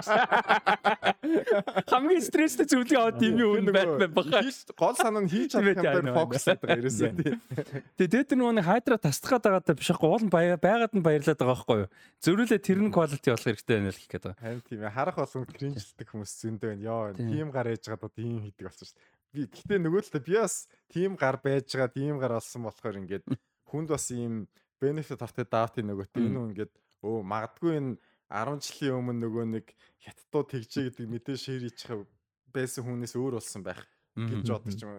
Жохон өгөөмөр ажиллаж хичээд гэдэг. Тийм, тэр уул нь бол байгаа л та тийм хүн болгонд ч өөрсдөө яг тэр нөгөө хэдэн жилийн өмнө cringe байсан гэдэг юм бол байж л байгаа шүү дээ. Бүгд нь байж л. Тийм, тэгэнгүүт э, тэр lifetimes ago гэдэг чинь байж л байгаа шүү дээ. Тэр тэр lifetime дууд чинь жиггүй байж байгаа. Тэгэхээр уул нь бол тийм. Ер нь мөнгнөөс амар гоо амьдралын сургаал авч. Нэг сургаал айлгч ирсэн шүү. Хоймор заларч сургаал сургаал ярьж алж байгаа. Нөгөө одоо орог 5 жил гарын бичсэн чи бас сүүлдээ жоох өөдөд эхлэн хүмүүс ингээл чи кино болгон дээр адилхан юм шүү тэгээд нэг талаа тэрний зөв байхгүй ингээд нөгөө Монгол кино ингээд хийж байгаа хүмүүс нэг өөрчлөгдөхгүй хүний нөөц нэг солигдохгүй техникүүдийн шинжилгээтэй байхгүй нөө нь ингээд ховсаад авах гэсэн ингээд ерхийдөө л хэвээрээд ингээд яг л нөгөө янзаараа хуушураа түлээл өгж байгаа бол өө эн чин түлэгдсэн байж тээ гэж хэлээ 5 жил болсон байгаа байхгүй тий. Тэгэхээр ингээд нэг юм branch out хийгээд өөр чиглэл юм хиймээр өөр юм хиймээр санагдаад л тийм хэлээ. Тэгээд сонирхолмаа ингэж хөөж явж байгаа янз бүрийн нэвтрүүлэг подкаст судлаад сүүлдээ ингээд продюсинг руу энтер орсон ингээд явж лээ. За продюсинг руу орохоор нөгөө талаас нь харахаар ямар байна одоо? Аа, quality гэдэг тал дээр. Түрүү хэлсэн шиг тэгээд үзмээр байгаа юмда төрөвчээрээ саналаа өгцгөл гэж хэлнэ. Тэгээ одоо монголчин нөгөө нэг кинод сайн гарахгүй байгаа шалтгаануудын нэг нь бас хүний нөөцийн л асуудал байгаа ингээл. За, яг гой залуу урамтчдыг дэмжингүүт ингээд таван залуу найрлагч нэрлэх боломжгүй байдаг. Тийм ингээд 10 гой жүжигч хэлэх боломжгүй ирсэн. Тэгэхээр нэг ийм тест хийж фильтр болж гарч их ийм нөгөө ресурс байхгүй бол яаж нэг үйлдвэрлэх дээр нь дараад ирсэн нөгөө тал юм гарч ирэхгүй. Тэгэхээр ингээд ямар ч юм хүмүүсийг кино сонирхдаг болохыг, кино хийдэг болохыг гэдэг ийм хөрсөн сайн бэлэн байж аж дараа дараагийн шатны нь гарч ирнэ. Гэтэ ингээд тийм байлаа гэж зүйлээ хандаад байх хэрэгтэй гэсэн үг ш болохгүй байгаа газар болох нь хилж ижил тэрийг нь олон хүн анхаарч сонсдог болж ижил тоон дээр нь тэр санхүүгийн тайлан тооцсон дээр гарч ирнэ шийдвэр гаргалтууд нь нөлөөлөд яваад. Одоо бас quality-нд нэг үеиг бодвол бас ач холбогдол өгдөг болцсон л доо хувийн бас ер нь audience ч гэсэн уран бүтээлч ч гэсэн нийтээрээ биш ч гэсэн. Тэгээ тийм болохоор бас hope бол байгаамаа. Одоо миний ойрхон юу яадаг э, киногийн яриад шүмжин ярьж исэн уран бүтээлчд хүртэл байж лээ. Тэгээ өмнө нь тэгдэггүй байсан бол одоо тэр опшн ядаж байдаг болцсон байна. Сонсдог болцсон байна. Аа тэгээд сайн ч юм уу ч нөгөө нэг пэйж видеонууд нь ингээд кино ревю хүсэл их байна те. Тийм ингээд яг нэг ингээд тодорхой хэсэг бүлгийн хүмүүс л ингээд хэмжээндээ тулцсан байхгүй. Хийж чад хамгийн сайн маа хийцэн. Гэхдээ тэр нь орчин үеийн Монгол үсгчд хангалттай сайн биш ерөөсөн. Хог дээр яж таарсан. Тэгээд одоо бидний үеийн залуучууд юм хийгээд эхэлж байгаа хөөхтэй ингээд YouTube үзээд янз янзын ийм adult film Netflix үзээд ингээд ярилцдаг болсон үеийн хүмүүс гарч ид юм хийж эхлэх байгаа нэг нь чинь одоо Джон Шипский байдаг хөөхтэй. Тийм залуучууд бас өөр байна. YouTube дээр огт төсөөлгүй мэддгүй юм игээл 100к сабселлер батантайгаа ирээл одоо нэг ийм гоё кино хийж үзсэн юм аа гингүүд бас өөр юм боломж юм хонглын үзүүрт гэрдээ харагч эхлэх байгаа хөөхтэй. Яг нь зөндөө фейлдгэл баг. Гэхдээ тэр дундаас бас тажигнаас бас гарч ирэх болоо гэж найдаа. Би харин тэр тэр би нөгөө нэг эхний нэг хитэн шорт фильм анх яг хүм Twitter юун дээр Facebook дээр амар тренд болоод тэгээ нэг нь үзчихэд сонирхолтой санагдаад тэгээд тэр шиг нэг кино минороо антологи кино минороо ороог байсан юм а цаанаар ажил болсон л байсан багтал хэмээтгүү. Тэгээд тийм байж байгаа нэг 2 3 богино хэмжээний видео байгаа дэр маа таньдаг нэг хүн тэнцэн ажиллаж байгаа болж таарад. Тэгээд тэнцэнс би асуусан байхгүй ингээд зөвшөөрөл авъя. Би ингээд реакшн видео хийх гэсэн юм а YouTube дээр зүгээр яг ингээд үзэл яг тэрний сэтгэлээр ревю маягаар га. Гэхдээ яг ингээд юу бүтэн оруулаад ингэж болох уу хэрэг болохгүйг бол хамаагүй зүгээр төгсгөө орлонсон чинь асуудал угаасаа нэг нь паблик байж байгаа юм чи болно no problem. Тэгээ манай тэднийхээс хин нэг л аудио онцглоо юун дээр нчлээ нэг ажилласан хүн ингээ уусаа айгу нэмж контекст өгөөд яриа мэрэ өглөө айгу туртай байгаа шүү. Уг нь гэсэн. Тэгээ би тэр үедээ тэрийг ингээд ажил болохгүй хэрэгжүүлэхгүй явсаар гоод одоо ингээ амар удчихж байгаа байхгүй. Тэгээ тэр үедээ хийдэг байж хийдэг байж хийдэг байж гэж яваад байгаа. Тийм. Аа миний зүгээр нэг давуу тал гэх юм уу да юм ингээ нэг мэдрэмж байхгүй шиг байгаа. Ерөөсөө ингээд яана ингээ илчгэр тэр хүн яг гомдчих байх та гэсэн нэг юм байхгүй зүгээр яг ингэж санагдлаа гэдгээр ингэчдэг. Тэгээд би нөгөө кино шийдгээд дараа нь сикж орлож ирсэн ингээд. За кино чи энэ сцен айгу тэнэг байлаа. Яагаад энэ тэнэг байлаа ингээд сууж таалагдсан ч гэсэн тэгээд ярина. Тэгээд нөгөө киноны яг бас юм цөөхөн үнтэй нийгмэл онцлог багталтай ингээд ах зах дээд дуу гэдэг ингээд автоматар нэг нэг систем хэсэг болчдөг би хэнийг ч танихгүй ч нөгөө хин ах найрлч хин хинийх нь анги багшаа нь хамаагүй байхгүй тий. Киноны юм байна. Яагаад ийм байгаа ингээд төлөвчгүүд ингээд ийм. Тэнгүүт нөгөө талдаа ийм залуу уран бүтээлч ийм нэг урамшил болд юм шиг аа. Өө нөгөө амар ах чи кино нөгөөх чи очиод ингэсэн шүү дээ. Надаа бас магадгүй адилхан боломж байгаа юм хичээх юм бол бас нэг юм нэг хийж байгаа юм болгол хүн болгон нээлттэй юм арчилсан байх тусмаа л бас юм үр өгөөж ихтэй байх юм болов гэж. Одоо мөнгөн ч юм уу би битэр яг жишээ авах те баясаа юмс тэгэл ингээл олон хүмүүс бас болж байгаа. Тэнгүүд нөгөө нэг яаж одоо нөхцөл бүрдэж ийн ихээр дундаасаа биш байхгүй юу? Одоо мөнгө яг ингээд нөгөө суйс ч юм уу те ингээд нэг уран бүтээлчтэйх нь яг тэр тогооноос нь гараагүй би адилхан баясаа адилхан те бид нар гаднаас нь харж байгаа. Зүгээр энэ урлагтаа дуртай. Тэгээ Монголын кино урлагч юм энийг энэ дэшүүгийн гаднаас нь харж байгаа болохоор тэнд ингээл өө тэр ах энэ юу? Тэрний хүүхэд тэр энэ ах юм яг хав тэрийг мэддэг болж байгаа мэдээж урт хугацаанд байгаа. А гэхдээ яг тэр нөгөө перспектив дээр ерөөсөө тэрэнд байсгүй орж ирж байгаа байхгүй. Тэрний бас амар том давуу тал харин тийм нөгөө Таносын тийм нөгөө нэг I have no idea who you are гэдэг чинь тийм мэдгүй болохоор тэгээ хамаагүй байгаа байхгүй тий А тэгтээ би надад ч бол мэдрэмж өгөхөөс илүү тэрэн л гэж бодож байна. Би бас яг тийм шүү дээ. Ер нь шууд шууд ингээ хэлээвч. Одоо хамтарч ажиллаж байгаа байгууллага байгууллага дээр ингээл маркетинг загт юм ингээд яахгүй ингээл таалагдахгүй ч юм идеологи болохгүй болохгүй. Наа чи бид нар ийм ийдгүй байхгүй. Наадах нь ингээд тэгэнгүүт зарим нь амар хэнцүү хүлээж аван зарим нь бол окей те. Янз бүр тэр гаднаас орж иж байгаа юм бас давуу тал байгаа л баг. Тэгээ ер нь бол нэг ийм яг өөртөө үнэж байгаа л тэрэндээ тууштай хавтал яг хүрх өстой хүмүүс бол хүрдэг юм лээ ингээд 100 мянган хэрэггүй үнд хүрчсэн яг хэрэгтэй 10 100 хүн сонсож байгаад үнэхээр ялгаа бол гардаг л. Яа одоо манай подкастн дээр би одоо хүртэл амар баярлдаг, value идэг мэг тэр. Яг хоо Дэдэ шинтер спортлоо явж байгаа мэдээж гоё байгаа тий. Тэр бол амар хэрэгтэй ойлгомжтой. Гэхдээ at the same time яг яг бусад юмнууд нь хүмүүс түрээсэ гэж бодож байгаа юм байсан чи Rusty Talks дээр би хизээж хүмүүст ингээд хүрэх гэж юусе хичээдэггүй. Яг байгаа хэдэн сонсоод явж нэг ч хүсэн сонсож л болоод би нэг zero view-тэй болоод нэг 2 сар болчихсон ба за окей. Тэ бүр болий тэ. Тэ түүнээс ч нэг хоёр хүн байгаа л хахад бол яг нэг хоёроос ийг мэджилээ л дээ. Гэхдээ тэ тийм болохоор байлаа нэдэг. Аа тий. Интернет дээр нөгөө анх юм хийхийн хамгийн гоё юм яг тэрээс ах ингээд за нэг 10хан л хүн үзэж байхад би эзээ зогсохгүй дээ гэж боддог тий. Сүүлдээ ингээл яа гэж ингээд лайк майкныхаа тоон энэ явсаггүй гэж бод. Зүгээр гítл анх хийж эхэлжсэн нөгөө сэтэл origin маань ингээл өө надаас гадна өөр хүнд таалагдсан байж тээ. Тэрнээс ингээд бүх кайф авдаг гэсэн гоёсэн. Одоо л тэр нэг жоох говьчаад байгаа болохоос шүү дээ. Тэр нөгөө нэг хитрхийн numbers game болгочоод байгаа маа хүмүүс нөгөө нэг like нь чухал, follow чухал, subscribe нь чухал тэ тэ тэ гэл а ерөөсө quality гэдэг юм бодогдохгүй.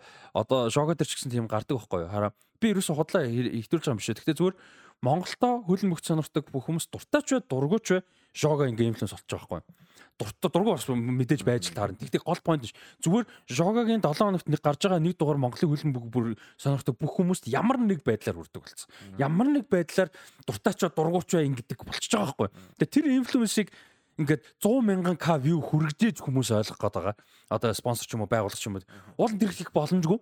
Гэхдээ зөрүүлээ тэр нь тийм хэмжээний инфлюенстэй байгаад байдаг. А тэгэхээр бидний хариулсан нь болохоор чанартай юм их хэвээр. Тэгээ тэрэн дээр алдахгүй байх хэвээр юу гэдэг ингээд мэдээлэл зэдэлтэй чанартай энэ дээр. А зөрүүлээд байгууллага тэрийг тэгээ бид нар тэрийг сэл хийж чадахгүй байна уу? Байгууллага тэрийг харж чадахгүй байна уу гэдэг юм. Тэр нэг тийм сонирхолтой point бас байгаа. Тэрнтэй кинон дээр бас яг орж ирж байгаа байхгүй яг бид нар киног яг ингээд плот өрнөлийг нь яриад ах хэвээр мó. Эсвэл эргэн тойронд ингээд юу гэдэг ягаа сайн муу мэдрэмж мэдээ мэдээлэл салбар тэрийг нь яриад тэр нь зөрүүлээд value болох хэвээр мó гэд бас яг нэг талтай биш л те одоо тогтцсон амархан хариулт бол байхгүй гэхдээ яригдах хэвээр л бит байгаа. Тий. Тэрэн дээр угаасаа нэг яг чанартай юм өөрөө ингэж би нэг чанартай гэж үнэлж гин гэд хийлээ ихэд гээд хүмүүс тугаас ялч хүрдгүүл байгаа юм л да. Ялч одоо байгаа бэлэн ингээд одоо бидний хүрэж байгаа тэр зорилж байгаа бүлэгтээ тэр ингээд чанартай гэж бодож байгаа юмнаас нь илүү юу одоо хүсээд хүсэмжлээд байна гэхээр илүү нэг тийм хүмүүсийн анхаарал төвд орох юм те. Илүү нэг тийм hot trip одоо яг ингээд сэдвэн илүү тийм hot байгаа юм гэдэг ч юм уу те. Тэнгүүд одоо жишээ нь яаж байгаа байхгүй би одоо нэг кино санал болгох гэдэг review бичээд ирсэн. Тэнгүүд амар инди өөр хөвд ингээд амар үнцэнтэй гэж бодоо. Тэрэн дээр ингээд чинь бичвэрч ингээд өөрөө тэрэндээ амар баяртай ажиллая гэхэд нэг 20 30 те 20 30 reaction авдаг ч юм уу те. Тэнгүүд хажуухаар за арай илүү олон хүн энэ киног мэддэг, үздэг, ярьдаг, олон хүн энийг мэднэ. Тийм ч энийг хичээд үзье гингүүд арай илүү реакшн авдаг ч юм уу. Тэнгүүтээ одоо юу гэдгийг хажуугаар нь тэгтээ ингээд чанараа алдахгүйгээр аль алийг ингээд баланс яваад байвал арай илүү зүг шийдэл юм байна л гэж хэрэгэдэ бодсон шүү дээ. Тэгээд тэр нөгөө нэг юугаал тэлж явах юм шүү. Комфорт зоноос аль болох байнгын хэцүүлдэй ажил амьдрал гэж байгаа. Гэтэ боо жоохон ч гэсэн гарахыг хичээж байгаа стайл юм шиг байна. Тэгэхээр уул нь шинэ юм discover хийх гой боломжууд гарч шинэ ютубер гэдэг ч юм шинэ кино шинэ хөгжим юу байт энэ болно гоё тэлхэл байх л та. Тэгээ би би бас сүлд гэсэн хэрэг нэг Dan Merlin баг бүх видеог үздэг. Ихэнхдээ яг box office chart-ыг байнга үзэж чаддаг. Гэхдээ ихэнхдээ тэгээд тэгсэн чинь мань хүн нэг Robocop-ын талаар нэг юм видео хийсэн хэрэг. Тэгээд би нэг Robocop мундаг satire гэдгийг мэддэг би үзчихсэн гэхдээ үзээгүй айгу олон жил болсон. Тэгээ тэр видео ингээ full spoilerтэйг би мэдж байгаа. Тэг ингээ үзээгүй байхгүй. Тэгчээ дараа нь shit би ер нь Robocop үзчихээ тэр видеог олж үзье гэж бод яг тэгэхээр би нөө амар тэлэх гээд байгаа байхгүй. Яг тэр Robocop нэг тийм main priority надад ерөөсөө биш. Гэтэ тэр видеог би баг үзхийн тулд Робоко баг үзэх гээд байгаа байхгүй. Тэгэхээр уул нь тэр мэрийгээ ингээд хэрэгжүүлэл бас айгу чухал юм шиг өөрөөрт. Тийм тэгээд яг нөгөө өөрийн inspiration авдаг контент бүтээгч нь яг ийм илүү чанарт илүү анхаардаг хүмүүс байгаа байхгүй ингээд. Миний даах туртай подкастер доо чинь hardcore history хэлэхт ингээд 3 4 6 сардаа нэг дугаар гардаг ч юм тийм. Тэрийг би заавал үздэг чинь тийм. Өдөр болгоо нэг юм хийц бол магадгүй үзэхгүй л байхгүй тийм ярьсан. Тэгээ frequency бас амар чухал. Тэгээ яг юуны сэдвтэй билээ. Тэгээ тэрнээс хамаарат frequency бас амар чухал. Одоо эвлүүлэг мэвлүүлэг презентацийн дээр бол чаптели шиг сууг бол Монголд бараг байхгүй санагдаад байна ш надаа. Яг яг эвлүүлэг презентацийн яг агуулга дээр янз бүр байж магадгүй. Гэхдээ яг цэвэр эвлүүлэг презентацийн YouTube видео Монголд тийм quality видео яг ялангуяа pop culture тал дээр бол бараг байхгүй хаа. Амар сэтгэл гаргаж хийж байгаа байхгүй. Тэр бүр амар гоё. Тэгээ channel нь ялангуяа бүр сайн яваад байгаа болохоор би бүр амар баяртай байгаа. Тэгэхээр тэрийгдээ ингээд өрсөлдөгч байд юм. Заавал нэг шууд өрсөлдөх гээд байгаа даа биш. Гэхдээ зүгээр тэрнтэй ингээд те ойрхон юу гарах хэрэгтэй байгаа байхгүй quality content. Монголд ялч нэг видео эсэ амар дутмаг л байгаа л да чанартай тийм creative юмнууд амар дутуу. Тэнгүүд чинь одоо нэг дөрөв сэдвүүд дээр юу байсан? одоо өнөөдрийн энэ сэдвийн дагуу би судалж үзлээ. YouTube руу яг инкогнитогоор орж байгаа. За яг монголчууд кинотой холбоотой юу үздэг юмыг харсан чинь яг тийм кино ярьж өгдөг суугууд амар холон дагч амар үзэгчтэй их байт юм байна. Тэгэд кинот товчлол гэдэг чинь өөрөө нэг тийм бүрийг баг салбар шиг юм болцсон юм байна шүү дээ. Тэрийг ойлгож авлаа. Тэгээ юу юм бэ? Ингээд хэд хэдийн ингээд үзээд хооронд харьцуулаад үзэнгүүд юу байгаа даа байхгүй. Нэгнээсээ ялгадах юм баг байхгүй байгаа байхгүй. Яг адилхан. Ингээд тавтагцсан. А гэхдээ бүгд ингээ мангар хөөцөлттэй байдаг. Мангар реакшнтай байдаг. Атайхан миний надад төрөөд байгаа хөп нь болохоор ингээ хүмүүс яг нэг адилхан юм энэ тэнд мангар олон ингээд дагаадахаар өсөө өсөө цав цааны ихээр тэрнээс ингээ баг багаар ингээд юу бах залхаад ангижраад за өөр юу вэ те. Бүр яг эднэрээсээ ч өөр юу вэ нэггүүд яг тэр орон зай дээр нь яг ингээд чанартай илүү креатив тийм видео эсэнүүд гарч ирвэл зөөр санагдаад байгаа. Тэнгүүд одоо ч энэ кино ярьж өгдөг юмнууд ч одоо жишээ нь зөөрлөл одоо бод бод киног бодоо байлаа гэхэд ингээд зүгээр бэлэн бодоо өгöd байгаа байхгүй. Майн бодоо байна та нар ингээд аа. А тэнгууд тэн чин видеосоо хийж байгаа илүү креатив контентууд хийж байгаа хүмүүс чинь тэрийг ингээд өөрийнхөө янз бүрээр амтлаад ингээд үзэгчдэд өгöd байгаа байхгүй. А тэнгууд одоо яг хүмүүс тэр зүгээр энгийн будаага идэдэж олно. Уусаа тэрнээс залах штэ. Тэнгүүд тэгээд ирэхээр илүү тийм амтлсан будаанууд руу орох байх л гэсэн нэг тийм найдлага бол байгаад байгаа юм чинь. Тэгэд Монголд бас нэг хэцүү юм байгаа л да нөгөө Монголд ямар контент амар сайн яг нэгдүгürt масс үзэх контент байгаа. Гэтэ давхар тэрнээс гадна үнэхээр ютубер юм игээд тэр нь одоо full time ажил ч юм уу орлого ч юм уу те болох боломжтой юм юу гэдэг гадаад байгаа монголчууд үздэг юм хийвэл хамгийн их яадаг. Ягаад гэхээр гадаад байгаа монголчуудын ad revenue орох хамгийн боломж нь байдаг. Монголд 300 мянга 500 мянган view цэвэр монголчууд одоо Монголд байгаа монголчуудаас авснаас гадаад байдаг монголчуудтай контентийг 70 80 мянга 100 мянга хүртээгүүтэй байхад баг илүү орлого олох болчихж байгаа байхгүй. Тэгэхээр тэднэр лөө чиглүүлэх зорилго нь бас амар ер нь чухал юм бэлээ. Тэнгүүд яг би тэрийг ягаад орж байгаа одоо чинь чаптели ч юм уу ингээд монгол хэл дээр Монгол одоо ингээд те ингээд юу яг юм видео эссе тайлбарыг киноны плот биш те. Ийм юм хийхээр гадаад байгаа монголчууд тэрнийг үзэхгүй болох гэдэг. Яагаад гадаад байгаа тэр нөгөө нэг кино ярьдаг суугууд ч айгүй ихэнх нь гадаад байдаг монголчууд байдаг. Ягаад тэгэхээр гадаад байгаа монголчууд монголоор кино үзэх боломж байдаггүй. Тэгээ хэл сурж кино үзэх сонирхолтой нь бага. Яг үнэ хэлэхэд бага байдаг. А тэгээ монгол контент амар хүсдэг. Манай шогач гэсэн давуу тал үнэхээр тэр зэ. Манай шогийн 35% гадаад байдаг хүмүүс. 35 ч амар их штэ. Гадаад байдаг хүмүүс байдаг байхгүй. Тэнгүүд тэд нар нөгөө монголоор киноны талаар ингээ ярьж байгаа юмээс сонсоод ажиллаа идэх ч юм уу те ингэх айгу хүсэлтэй байгаад байдаг. А тэр нь зөрүүлээд нөгөө view-ч нэмэгдэн хоёрдугаарт нөгөө ad revenue нь хамаагүй чанартай хамаагүй орлоготой орж ирж байгаа. Тэгэнгүүт одоо Chaptel ч юм уу энэ шиг ингээд ийм видео эссе мэдээлэл ийм юутай юу яг гадаад байгаа монголчууд үзнэт их ховор а дээрэс нь Монголдоо ч гэсэн бас давхар хэцүү болчиход байгаа. Тэр бас амар зугаас л мөнгө бүх юмны ард амар чухал болохоор яг хуу integrity талаа бодвол нөгөө заавал амжиргаагаа болох гээд бити бай хичээгээсэй гэж надад санагдаад тийм. Би өөрөө нөгөө ингээд мөнгө олох гэж юм эхлүүлээг ингээ олон лайк авч юм эхлүүлээг болохоор ингээд өө сонирхол заавал огтлолцохоор хай хийчдэг хүн төрүүл хөрнөсгүй бол гүйц болохоор ингээд өө яана миний хийсэн юм болох мөнгө олох хэрэгтэй гэдэг тийм зовлон стресс байхгүй худалдагдах гэдэг нөгөө сэтэл багтай юм. Тэгэл яг зөвхөн өөртөө таалт юм аяа гэл тэр нь хүмүүстэй үрээлд ингээд явцсан болохоор надад тэрний илүү харьцангуй эрүүл модель юм болоо гэж бодлоо. Тэгээ тэрэн дээр чинь нөхцөл амар олон нөхцөл бүрдэх хэрэгтэй байхгүй. Харин тийм. Цаг амар зарцуулж байгаа шүү дээ. Тэнгүүт зарим хүмүүс тэгж аффорд хийж чадахгүй байхгүй юу? Одоо нөгөө нэг орлогогүйгээр цагаа зарцуулаад юм ингээ байнга хийн гэдэг чинь амар хэцүү. тэгвэл тэгэл битил хийлтэй. Гэхдээ хиймээр байж болно шүү. Тэгэхээр тэр чинь амар одоо жишээ нь би бол дандаа financial асуудалтай. Би 5 6 жил financial асуудалтай явж байгаа. Кино ивент хийдэг байсан бол одоо баг 10 жил. Тэр бол ингээд financially тогтдог болчихвол би бүр амар хэрэгтэй байгаа байхгүй. Гэхдээ тэгж чадах тэр чинь амар стрессфул. Тэгсэн мөртлөө энэ чинь мен юм болгож хиймээр. Тэгэхээр наа чинь бас тэгж хэлж байгаа шиг тийм амархан бол арай биш байна. Тийм тийм. Гэтэ зөвөр миний нөгөө нэг үзэх дуртай контентрууд нэг юм болгоно контент болгоно юм зарах гэдэг хүмүүс үзэж байгаа юм хэцүү. Аа зарах гэдэг байгаа дэвш. Би зүгээр success гэдгийг л ярьж байгаа. Тийм зарах гэдэг бол хэцүүлсэн. Хэцүүлтэй. Too many ads is never good. Тэр нэг мэдрэгдээд идэг хүмүүс байдаг болохоор ингээд угаасаа үздэг бол. Тийм. Одоо ингээд өөрөө креатив чанартай хийж байгаа юм нь financially үнэхээр ингээд ашиг олоод тэр хүн ингээд дэм болж байвал тэр намир зүг эрүүл мэндэл. А гэхдээ үүд Монголын нэгс шууд TMR шууд шууд амьдрал амьдралаа болгоно гэвэл угаасаа Тэгээ угаасаа тийм анханасаа угаасаа тэгнэ. Анханаас тэгвэл угаасаа болно. Гэхдээ grow хийгээд ирэх хүн ихлүүх цаг зарцуулдаг байхгүй юу channel. Ер нь бол grow хийгээд ирж лээвэл улам их цаг зарцуулна. Тэгээ зөрүүлээ тэр цаг чинь юугүй байж болохгүй байхгүй хасахтай байх угаасаа. Тэр ингээ мөнгөний дуртайдаа биш зүгээр л амьдрал дээр financial reality ерөөсөө тэр болчихж байгаа. Тэгэхээр хүн чинь make sense юм а цаг нь үнэлэгдэж байгаа юм а л энэ нэг бол ядаж байн хасахтай яваад байвал бойл чиний хэлдгэр болох гээд байгаа байхгүй. Гэхдээ дуртай юм байгаад байвал амар хэцүү болчихж байгаа тийм. Тэр бас тийм баг. За өөр чи юу бодож байлаа яриа гэж бодож байлаа. А видео геймс. За хэдүүлээ видео геймс нэг яриаггүй. Гэхдээ чи видео гейм анх юу хийдэг байсан?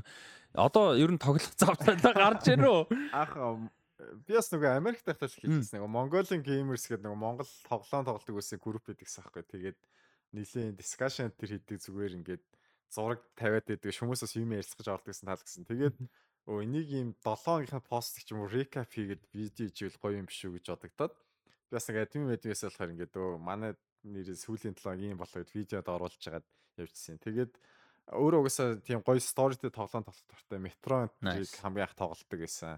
Тэдний бичлэг энэ төр болж явж байгаа. Тэгээл. Тэгээ миний анхны угаасаа нөгөө нэг подкаст төр үздэг яадаг хүмүүс адилхан ийм видео тоглоом техник талын сонирхолтой ус дандаа энэ тэнд очихор ийм дизайнер ч юм уу те IT-ийн бас өө чи нөгөө нүбэр биш те гэл тэгээд одоо стил тийм байдлаар холбогддог ярьээсээ тий. Аасан.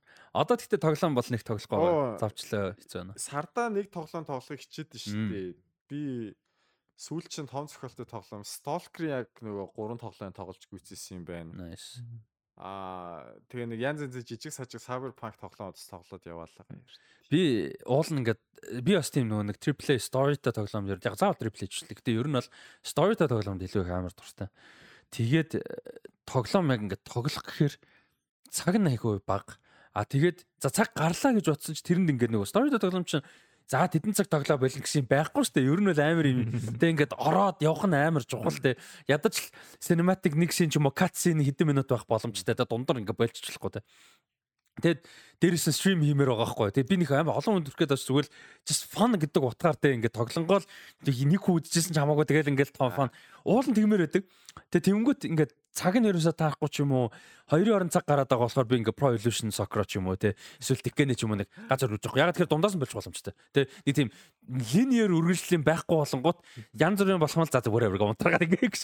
Тэгээд тэгсэн мөртлөө тэрнээс нөө chicken нэг шиг за эсвэл одоо мэдгүй нэг ийм сүлээддэг могоо гэдэг шиг тэрнээсээ болоод зөвхөн тэр нь л яваад байгаа байхгүй тоглоом ингээ тэрэн дээр амар их цаг зарцуулаад байгаа баг бага. Юу Narcos Review Big Bang Theory гэдэг шиг болчиход байгаа байхгүй. Аа тийм нэг ухамсартайгаар таслах хэрэгтэй шүү. Би одоо кино үзэхдээ хүртэл ингээд 30 минут л төвлөрч сууж чадхаар биш л угаасаа эхлүүлдэг байхгүй тийм ингээд.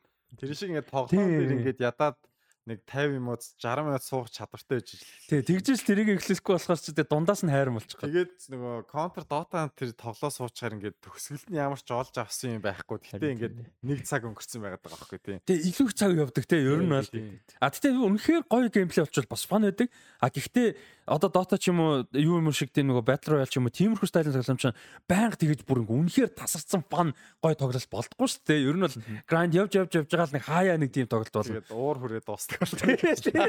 Тэгээ хүмүүс уурлаа дуусна ядаж байгаа. Сошиал дээр нөгөө нэг юм ихэд амар байсан юм нөгөө Dota тоглолтог, Counter тоглолтог байсан их амар байсан. Хүмүүстэй хэрэлдээ доршуулаа сурцсан болохоор хүн юу ч гэсэн тоох. Аа за за ерөөс манайхаа ч бас сайлган цагаахан үгээр хараадаг хүмүүс шүү гэж боддог. Би нөгөө хөлмөг тоглоод яатсан. Тэгээ хөлмөг тоглолтог яг тоглоогоо одоо олон жил болчихлоо. Гэхдээ тоглолт байхад би ч амар combative тоглолдог. Хэрүүл урал амар их юм. Амар их мөргөлдөж таклна өөрийгөө олон яг хүн гимтэж байгаагүй ч гэсэн өөрөө их гимтдэг. Тэнгүүт ингээд дараа нь юун дээр YouTube YouTube юм дээр харин чамнаас л эсрэгээр байгаа даа байхгүй хүн ингээ янз бүр хараад урж штэ яг ихэндээ мэдээ sensitive байсан байгаа. Гэтэ дараа нь тоохгүй а дургу урдаг юм нэхэр Факи нүдэн дээр ирээл чашиг шат гэдэг хөлбөг тоглож байгаа ч тэхгүй шүү дээ нүдэн дээр л ирнэ шүү дээ тий. Янз бүрийн боллоо хараад зүглээ янз бүрийн боллоо гэхэд нүдэн дээр шигээс орч. Тий шууд ингээд конфронт хийгээд байгаа барах барахгүй бол тустай асуудал тий. Тэнгүү тэхгүй ингээд нэг хин мэдчихгүй оцсон шиг ингээд гүжиж чадсан үл их ч юм санагдаад байдаг байхгүй. Тэр бас ялган тэр л ах л та. Тий. А ойрд Game World яг тоглохоосоо гадна зөвөр ер нь хэр энэ touch байна те ойрд ямар тоглоомнууд гарч байгаа гашгүй гэдэг ч юм уу. Сонирхож шүү дээ. Уг нь зав байвал би бас тоглоом подкаст хиймээр л байгаа. Би дээрээс найзтай хийдэг гэсэн. Тэгээд нэг нь Япон яваад нэг нь Австрали яваад гэсэн. Галаа галаа Австрали явчихлаа. Галаа Австрали байгаа. Гинко Японд ижод ирээд ирсэн. Ко ко. А одоо хүлээж байгаа ч юм уу тоглоом байна уу? Эсвэл э, сүүлийн үед гарсан тоглож амжааг байгаа тогломоор байгаа. Тэр гой тоглоом яс ч гэсэн компьютер алгаа. Чиний Legion энэ гой харагдав. Үгүй X байхгүй. Би ч нөө нэг ойлгохтой яг 1000 1060 тач лөө юутай байсан. Аа ноутбук процессортэй байсан. Тэгээд тэр чин хөөх юм яах вэ? GTA 5 маа тоглож штэ нэг тэгсгээд. Супер юм бол тоглохгүй. Тэгээд тийм байж өнгөрсөн жил би юу яах гээд ажил яг нөгөө нэг хальт юу аяллаар гадаад явах гээд. Гэхдээ тэр хооронд амар их ажил байгаад А тэр шого мого ингээ айгу олон юмд компьютер хэрэгтэй байсан болохоор ноутбук авах нэгээд. Тэгээ нэлээд судлаа эн чинь баг сар судалж ээж зорж ээж айгу бөө юм болж авсан байхгүй. Тэгээ яг л энэ ID юм ингээ захиж гэсэн. Тэгээ ингээ авцаж амар гой зэ. Энэ угаасаа яалчгүй бас ингээ хай хай биш obviously. Гэхдээ ингээ бүр хангалттай бүгд юм болохоор Тэгээ ингээд үхтлээ тогтоос суулгаж байгаа байхгүй ах бүр ингээд нөгөө нэг амьдралтай хангуудаагаа ингээд яг өөрийн тийм хай энд яг супер хай биш гэсэн стеутэй ийм юмтай олцсон бүр ингээд мөрөөдөгчгүй юм байгаа хгүй хөөх тогт ялангуяа тинейжер те. Гэтэ болоод болдог бүгдийг суулгаад татаж болох бүгдийг татаж байх зам баг. Сайн би бас амар хямдхан боломж олоо би өмнө подкаст дээр ярьсан юм а. PS5 авч байгаа хгүй. Бүүн баяр зөө. Тэг ингээд нөгөө PlayStation Plus дээр subscribe хийж мэдсэн. Хямдхан яаж явах талдаад хямдалтай байдан таар. Тэг ингээд бүүн баяр байгаа хгүй. Тэгээ юусэн тоглож амжих. Тэгээ одоо ингээд харахаар ингээд desktop дээр байсан энэ компьютерийн desktop дээр байсан тоглоомд би цөөлцсөн зэ. Хараад угаасаа хямраад авах тоглож явчихгүй тэгвэл ингээд actively нэг хаяа ордог хэдийг өлөг бусдын ингээд folder цаа хийцэн. Тэгэхгүй болоо. Ерөөсө тоглож амжихгүй. Тэгээ ямар санд дээр стрим хий гэдэг чинь тэр байхгүй. Ядаж нэг ингээд тогтсон стрим хийдэг болчих юм бол тоглох гээд байгаа байхгүй. Тий. Бас нэг ингээд нэг аппликейшнтэй болох гээд шүү дээ. Тэгээд нөгөө тоглоомыг одоо илүү нөгөө story telling хийдэг юм creative medium гэдэг талаас нь хараад appreciate хийдэг болоод эхлэнгүүт юм янз янзын өөр өөр чиглэлийн тоглоомор сагдаад байгаа ингээд дандаа нэг шүүтер биш дандаа нэг акшн биш те ингээд жишээ нь Yakuza-гийн нөгөө ихний гурыг тоглоо надад амар гоё байсан. Stalker тоглоомд нэг зүү Европын шал өөр мууд мэдрэгдэх ч юм уу те бас нэг өөрөөр соёлын бас тоглож явах хичээдэг болоод байна ерөөс. Сүүлд PlayStation-тай усны нэг давуу тал бол тэр байсан. Би нөгөө PC-н дээр specific төрлийн тоглоом тоглолдог. Тэгээ нөгөө third person эсвэл higher first person ихтэй third person story-тай нэг юм ч юм уу. Эсвэл хөлбөмбөг тэгээд нэг тиймэрхүү. Тэгээд PlayStation ч осон чи би нөгөө team тоглоомнууд PlayStation гараар тоглох нэг юм сонирхолж байгаа юм баг. Keyboard mouse. Тэгсэн чи PlayStation гараар тоглоход гоё а зөрүүлээд өөр төрлийн тоглоом сонирхолтой болж байгаа. Tetris би амар актив. Бүр амар fucking гоё цаа PlayStation Tetris. Tetris тэгснэ тэр нөгөө нэг юм жижигхэн нөгөө нэг pixelated story тоглоомнууд ч юм уу те эсвэл нөгөө дээрэс нь хардаг RGB энтер RPG энтер те амар сонирхолтой гоё санагдаж эхэлж байгаа. Гараар тоглоход амар фан те. Тэгээд одоо нөгөө нэг юм монголчуудын дэлхийд гарах контентын боломжноос видео тоглоом байгаад байгаа байхгүй тийм. Сүүлд надад гоё санагсан тоглоом юусэн. Нэрийг мартчихсан. Гэхдээ ийм pixelated horror тоглоом. Гэхдээ cutscene-үүд нь live action-аар хийцэн. Ингээд Монгол нэг тиймэрхүү production хийчих студиуд зөндөө олон маа тоглоомч гэсэн хийчих болох болохоор ингээд англи дээр нэг юм нэлээд хөрх ажиллагаатай visual novel шиг юм хийгээ заарах тал боломж бүрэн боломжтой санагдаад байна. Нэг тиймэрхүүс хорхоо өргөд байгаа юм байна. Уг нь э, тэнцэнс яг одоо originality гэх юм уу эсвэл хүмүүс нөгөө чиний сайн хэлдэг шиг өөр culture тэнцэн өрөх боломж байгаа байхгүй тий бол. Харин Тэр карнивал энэ төр нь юу болж байгаа юм бол хөрөнгө оруулалт маралт юмнууд нь. Аа хийгээд явжлаа. Сүүл тэр эдийнхэн дагуулчихсан чи бас хийж яаж байгаа. Уул нь тэр мэр амжилт олчоосоо тий. Энэ тэр олцсон гэж шиг байна. Nice. Ер нь одоо энэ дэр л яг жинхэнэ нөгөө нэг гоё юу ч гарч байгаа яг ингээд амжилтаа явах тусмаа бол н опшн болж байгаа. Одоо чинь надад ямар санагцууг нь хамааралгүй те ер нь зүгээр үг тийм Монгол уран бүтээл ч юм уу ингээд pop culture ямар нэг хэсгүүд өөр орсуудад ингээд хүмүүст хүрээд нүдэнд хүрээд сонсогдоод харагдаад яваад амар хэрэгтэй байгаа байхгүй тий. Одоо тэр Snowman September өнгөрсөн жил мундаг явжсан. Одоо энэ жил тэр нөгөө сэсэс салхин ингээд шагнал авч ийн гэдэг ч юм уу. Тэр нөгөө итгээд horror fest дээр явж илээ. Би бүр бүр гайхаад тэр чинь фестивалийн нэр нь үлээ. Зүгээр horror fest шээ нөгөө Яг нэрийг нь л. Тийм нэг тайлтай. Тэр чинь амар том фестивал шахгүй бүр хоррор киноны том бүр амар том штэ. Тэгсэн чи тэнцээ ингээд итгээд гарч марцаа. Би бүр амар баярлж авах тэр кино би үзээгүй л дээ. Гэтэл Монгол уран бүтээлчдод те тэр фестивалийн нэгэн ч гэсэн хэсэг байгаад гараад ингээд явж ийн гэхэр бүр амар гоё санагдсан. Тэгэхээр Монголын хувьд нэг юм өлөг болсон шиг юмуд нь гадныхандаа сонирл байдаг байхгүй тий. Тий, тий, тий. Кино болсч тэр тоглоом болсч тэр бас нэг юм нэг өвөрмөц experience. Тэгээ одоо гол нь тэрэн дээр гэхдээ бэлт их амар чухал. Одоо химэр ч гэсэн яваалаа шүү дээ. Бүр одоо хүртэл явж байгаа. Тэгээ химэр бол тийм амар сүртэй мундаг кино ч гэсэн муу бол ягаад ч биш. Надад бол муу гэж санагддаг. Тэнгүүт тэр кино ингээд одоо хүртэл фестивал ч юм уу янз бүрийн юм ингээд яваалаа байхгүй Мексикт Мексик кино театруудаар гарч мараал тэ амар сони юм байгаа байхгүй тэ. Тэгээ тэр нь амар хэрэгтэй. А гэхдээ зөрүүлээд өөрсдөө бокслох гээд байдаг монголчууд. Монгол гэхэр л ингээд адуу мал морь Монгол гэр дайчин байлдаан Чингис Я тэр чинь амар бас нэг буруу болох гэдэг. Одоо чинь Монголд биднэрт амар сони юник юмнууд байдаг заяа. За юу ч гэжтэй одоо би сая буруу хэлчихлээ зүгээр байдаг те. Тэр жишээ нь юу гэхээр 2000 он одоо бид нар 2000 оны их үед үсэж байгаа 90 оны сүүр 2000 оны их үед үсэж байгаа бидний амар cultural mix төгссөн тий. За ингээд нүүдэлч мөдөлч Монгол соёл юмнууд нь байж байна. Нэмээд ингээд солонгосын юм орж ирж байгаа. Яг 2000 оны их үед тий. Ингээд гом мам байд юм одоо кимчи байд юм уу K drama whatever тий. Им солонгос юм амар хүчтэй орж ирж байгаа. Тэрний өмнө Япон байсан тий. Япон ингээд одоо юу гэдэг солонгос машин гэхээр Excel ундаг байжсэн Япон машин гэрийн баяуных тий ингээд мөнгөдөө үний ундаг ингээд Япон биш юм аим. Электрон барааны ингээд солонгос юм болохоор за окей тэ электрон бараа ирэл. Япон гэр оо наа чи чанартай. Аим. Тэгээ дараа нь герман болдог тэ. Тэгснэ ингээд орос колч бид нар их мэдээж их совет юм битүү ихтэй нийс салааднаас агуулга байшингийнхэн дизайн хүртэл тэ. Славик бүтэн колчтой бид нар нийцж бараг чаддаг байхгүй амар сонио монголчууд. Тэгээд одоо үед Америк инфлюенс тэ.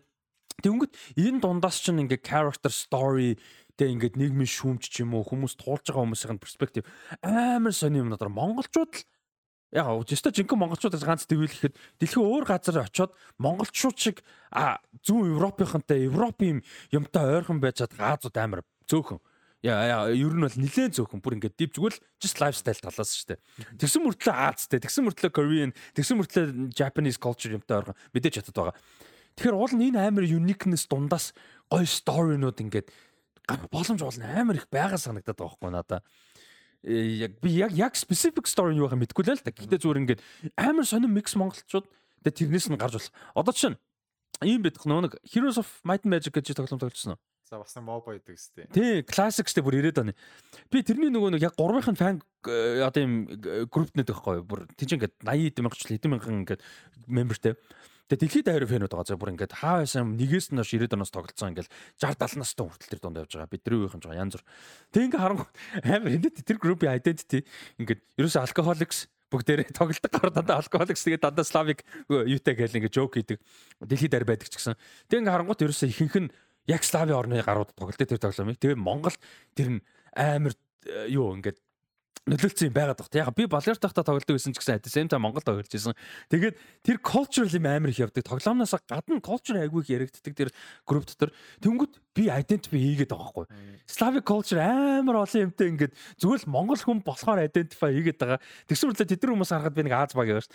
Тэгэхээр Монгол уулан дээр нэг юм cultural mix юм уулан байгаа. Тэрийг юу болгож чадвал давуу тал болгож чадвал юу гэж байгаа дээ. Хүн ингээд 2 минутаас дээш ирээд эхлэхээр босод хүмүүс өөдөж эхэлт ингэнэ. Тэгсэн чи чи өөдөж үү? Юу юу ярьж эхэлжсэн мартаад эхэлт ерөөсөө. Цэнгэл нөгөө нэг хэдэн цаг явдаг үлээ тэр подкастн дээр чинь. Тэгээ 30 40 минут явдаг. Мангар удаан явдаг байхгүй? Тэгжээснээ сүүл гинтэн донтор өөрөө штэ. Яаж асуулт нь юу вэ? Яг энэ бүх яриа юунаас эхэллээ гэдгээ шууд мартаж байгаа байхгүй? Тий, тий. Гэтэ зүгээр яг cultural гэдэг дээр нь яриад байгаа байхгүй яг. Тий, тий, баялаг байна. Тий. Уул нь амар сонин unique баялаг болохоор тэрэн дээр фокуслаад уул нь экспорт хийвэл гоё юм шиг. Одоо ер нь нэг онлайн үед ингээд хүн ганцаараа ч гэсэн кино бол кино, тоглоом бол тоглоом их боломжтой болоод байгаа хэрэг. Тий, янз янзын generative төлөвлөд ашиглаад. Unreal Engine зүгээр бэлэн байж. Би одоо энэ жил зурж сурдаг баатар болсон ч шууд даалын энтрийг хараад ингээ за за би ер нь зарч сурах шаардлагагүй байна. Даалын 3 гарцаа зүгээр юм чадъя гэд хайчиж байгаа байхгүй. Тэгэхээр зураач гэж хүн цалин өгөх шаардлагагүй болоод би зүгээр ингээл промпт өгөөл хийчих болохоор байгаа байхгүй тийм. Веб комик хийж болж чинь, storyboard гаргуулж болж чинь.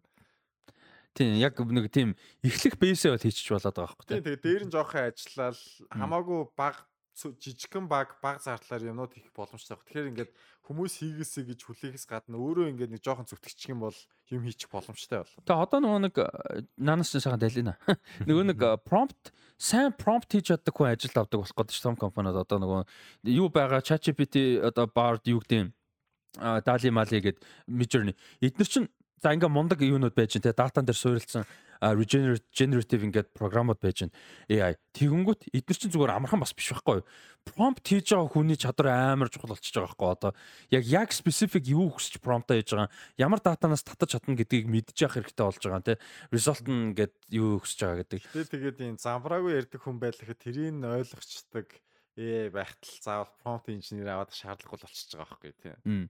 А тийм байж болох юм. Сүүлд би нэг найзтай нэг ярьслаа өгөөд тэр бахан англи ярьж байгаа таарсан. Тэгээ цаа чи нөгөө pixel дээр ярьсгаа гэдэг ингээд ерөөхдөө нь гаргуулаад таниалаас хийчихмүүд ингээд өө заа за нэр айгүй их цаг ордог гэсэн ажлыг шууд автомат. Pixel амар юм билээ. Pixel амар юм бил. Pixel бол зүгээр speech to text нутггүй юм билээ. Бүр арай дэндүү юм билээ англиар. Яг бус хэлэн дээр яад юм байгаа.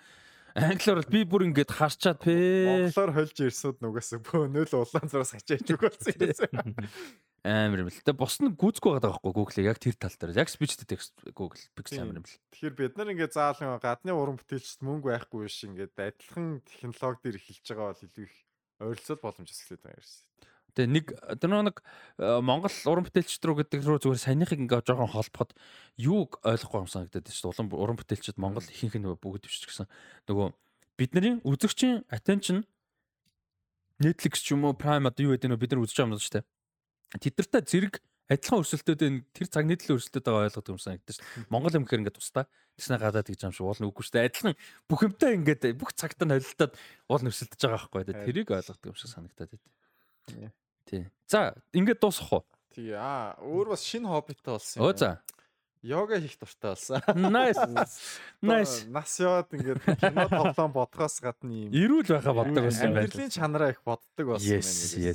Тэгээд нөгөө би ингээл заавал нэг ингээл гэрээ цэвэрлжсэн ч гэсэн нөгөө яг perfect бичлэгээ олж иж үзсэн төрлөөс нэг эс аахгүй. Тэгээд йога ихээр заавал ингээд зааварчлагыг дагаж хийгээд байдаг.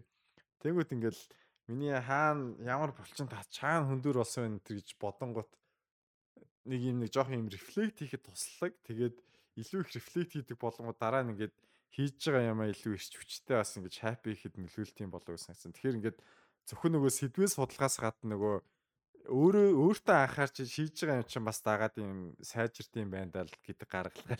Nice. Мөнгө ер нь гэгэрч байгаа юм байна гэсэн. Чи бүр яг амар гоё юм позитив юм руу орсон шүү дээ. Айгүй зүг зам дээр явж байгаа юм байна. On the ascension явж байгаа юм шүү дээ. Тэгээд нилээ ёроол морол токсикт нь явж иж аа бас нэр өөрөө ч болох юм байна шүү.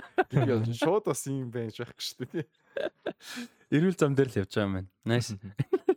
Ээ Гэтэ яг тэр нэг амар ёроошиг ч юм уу тэр стресс юмнаас гарна гэдэг ч бас амар хэцүү юм л да өдөр. Ингээл гоё контент эсвэл кино гэх тэгээд нуруу өгдөд юм эсвэл анхаарал би үүдэд анхаарал төвлөрөхгүй бол юу ч гарахгүй байгаа хэрэг. Тэгэхээр нөгөө өөрийгөө юмаа бэлтжиж л ингээл гоё юм шингээж байгаа бас гоё юм хийнэ гэсэн. За сая өнөөдөр нөгөө нэг юу утсан чинь яг ойр э, бас юм байна. Подкаст нар бидэд яг movie pick хийдэг болсон би бүр амар баяртай. Яг яг өнгөрсөн л ярьцал та. Гэтэ зөөр ингээд нөгөө нэг 7 хоног болгон шин өөр юм үзээд яг үзэх ёстой болчих жоохгүй. Ер нь бол өөр аргагүй. Тэ тэгэнгүүт яг ингээд шал өөр ертөнц рүү заавал ингээд орох болоо. Тэ эхэлсэн байна бол тэр чинь ингээд хүн хямрахгүй шүү дээ. Аа ингээд дуртаа дургаа ингэх гээд байна гэсэн байхгүй. Тийм болохоор амар баяртай байгаа. Тийм. Anyway. За тэгээ өнөөдрийн подкастт оролцсон баярлалаа. Сонирхолтой байж чадав уу? Тий, ирсэндээ их баяртай байна. Баг үдээсэн үү?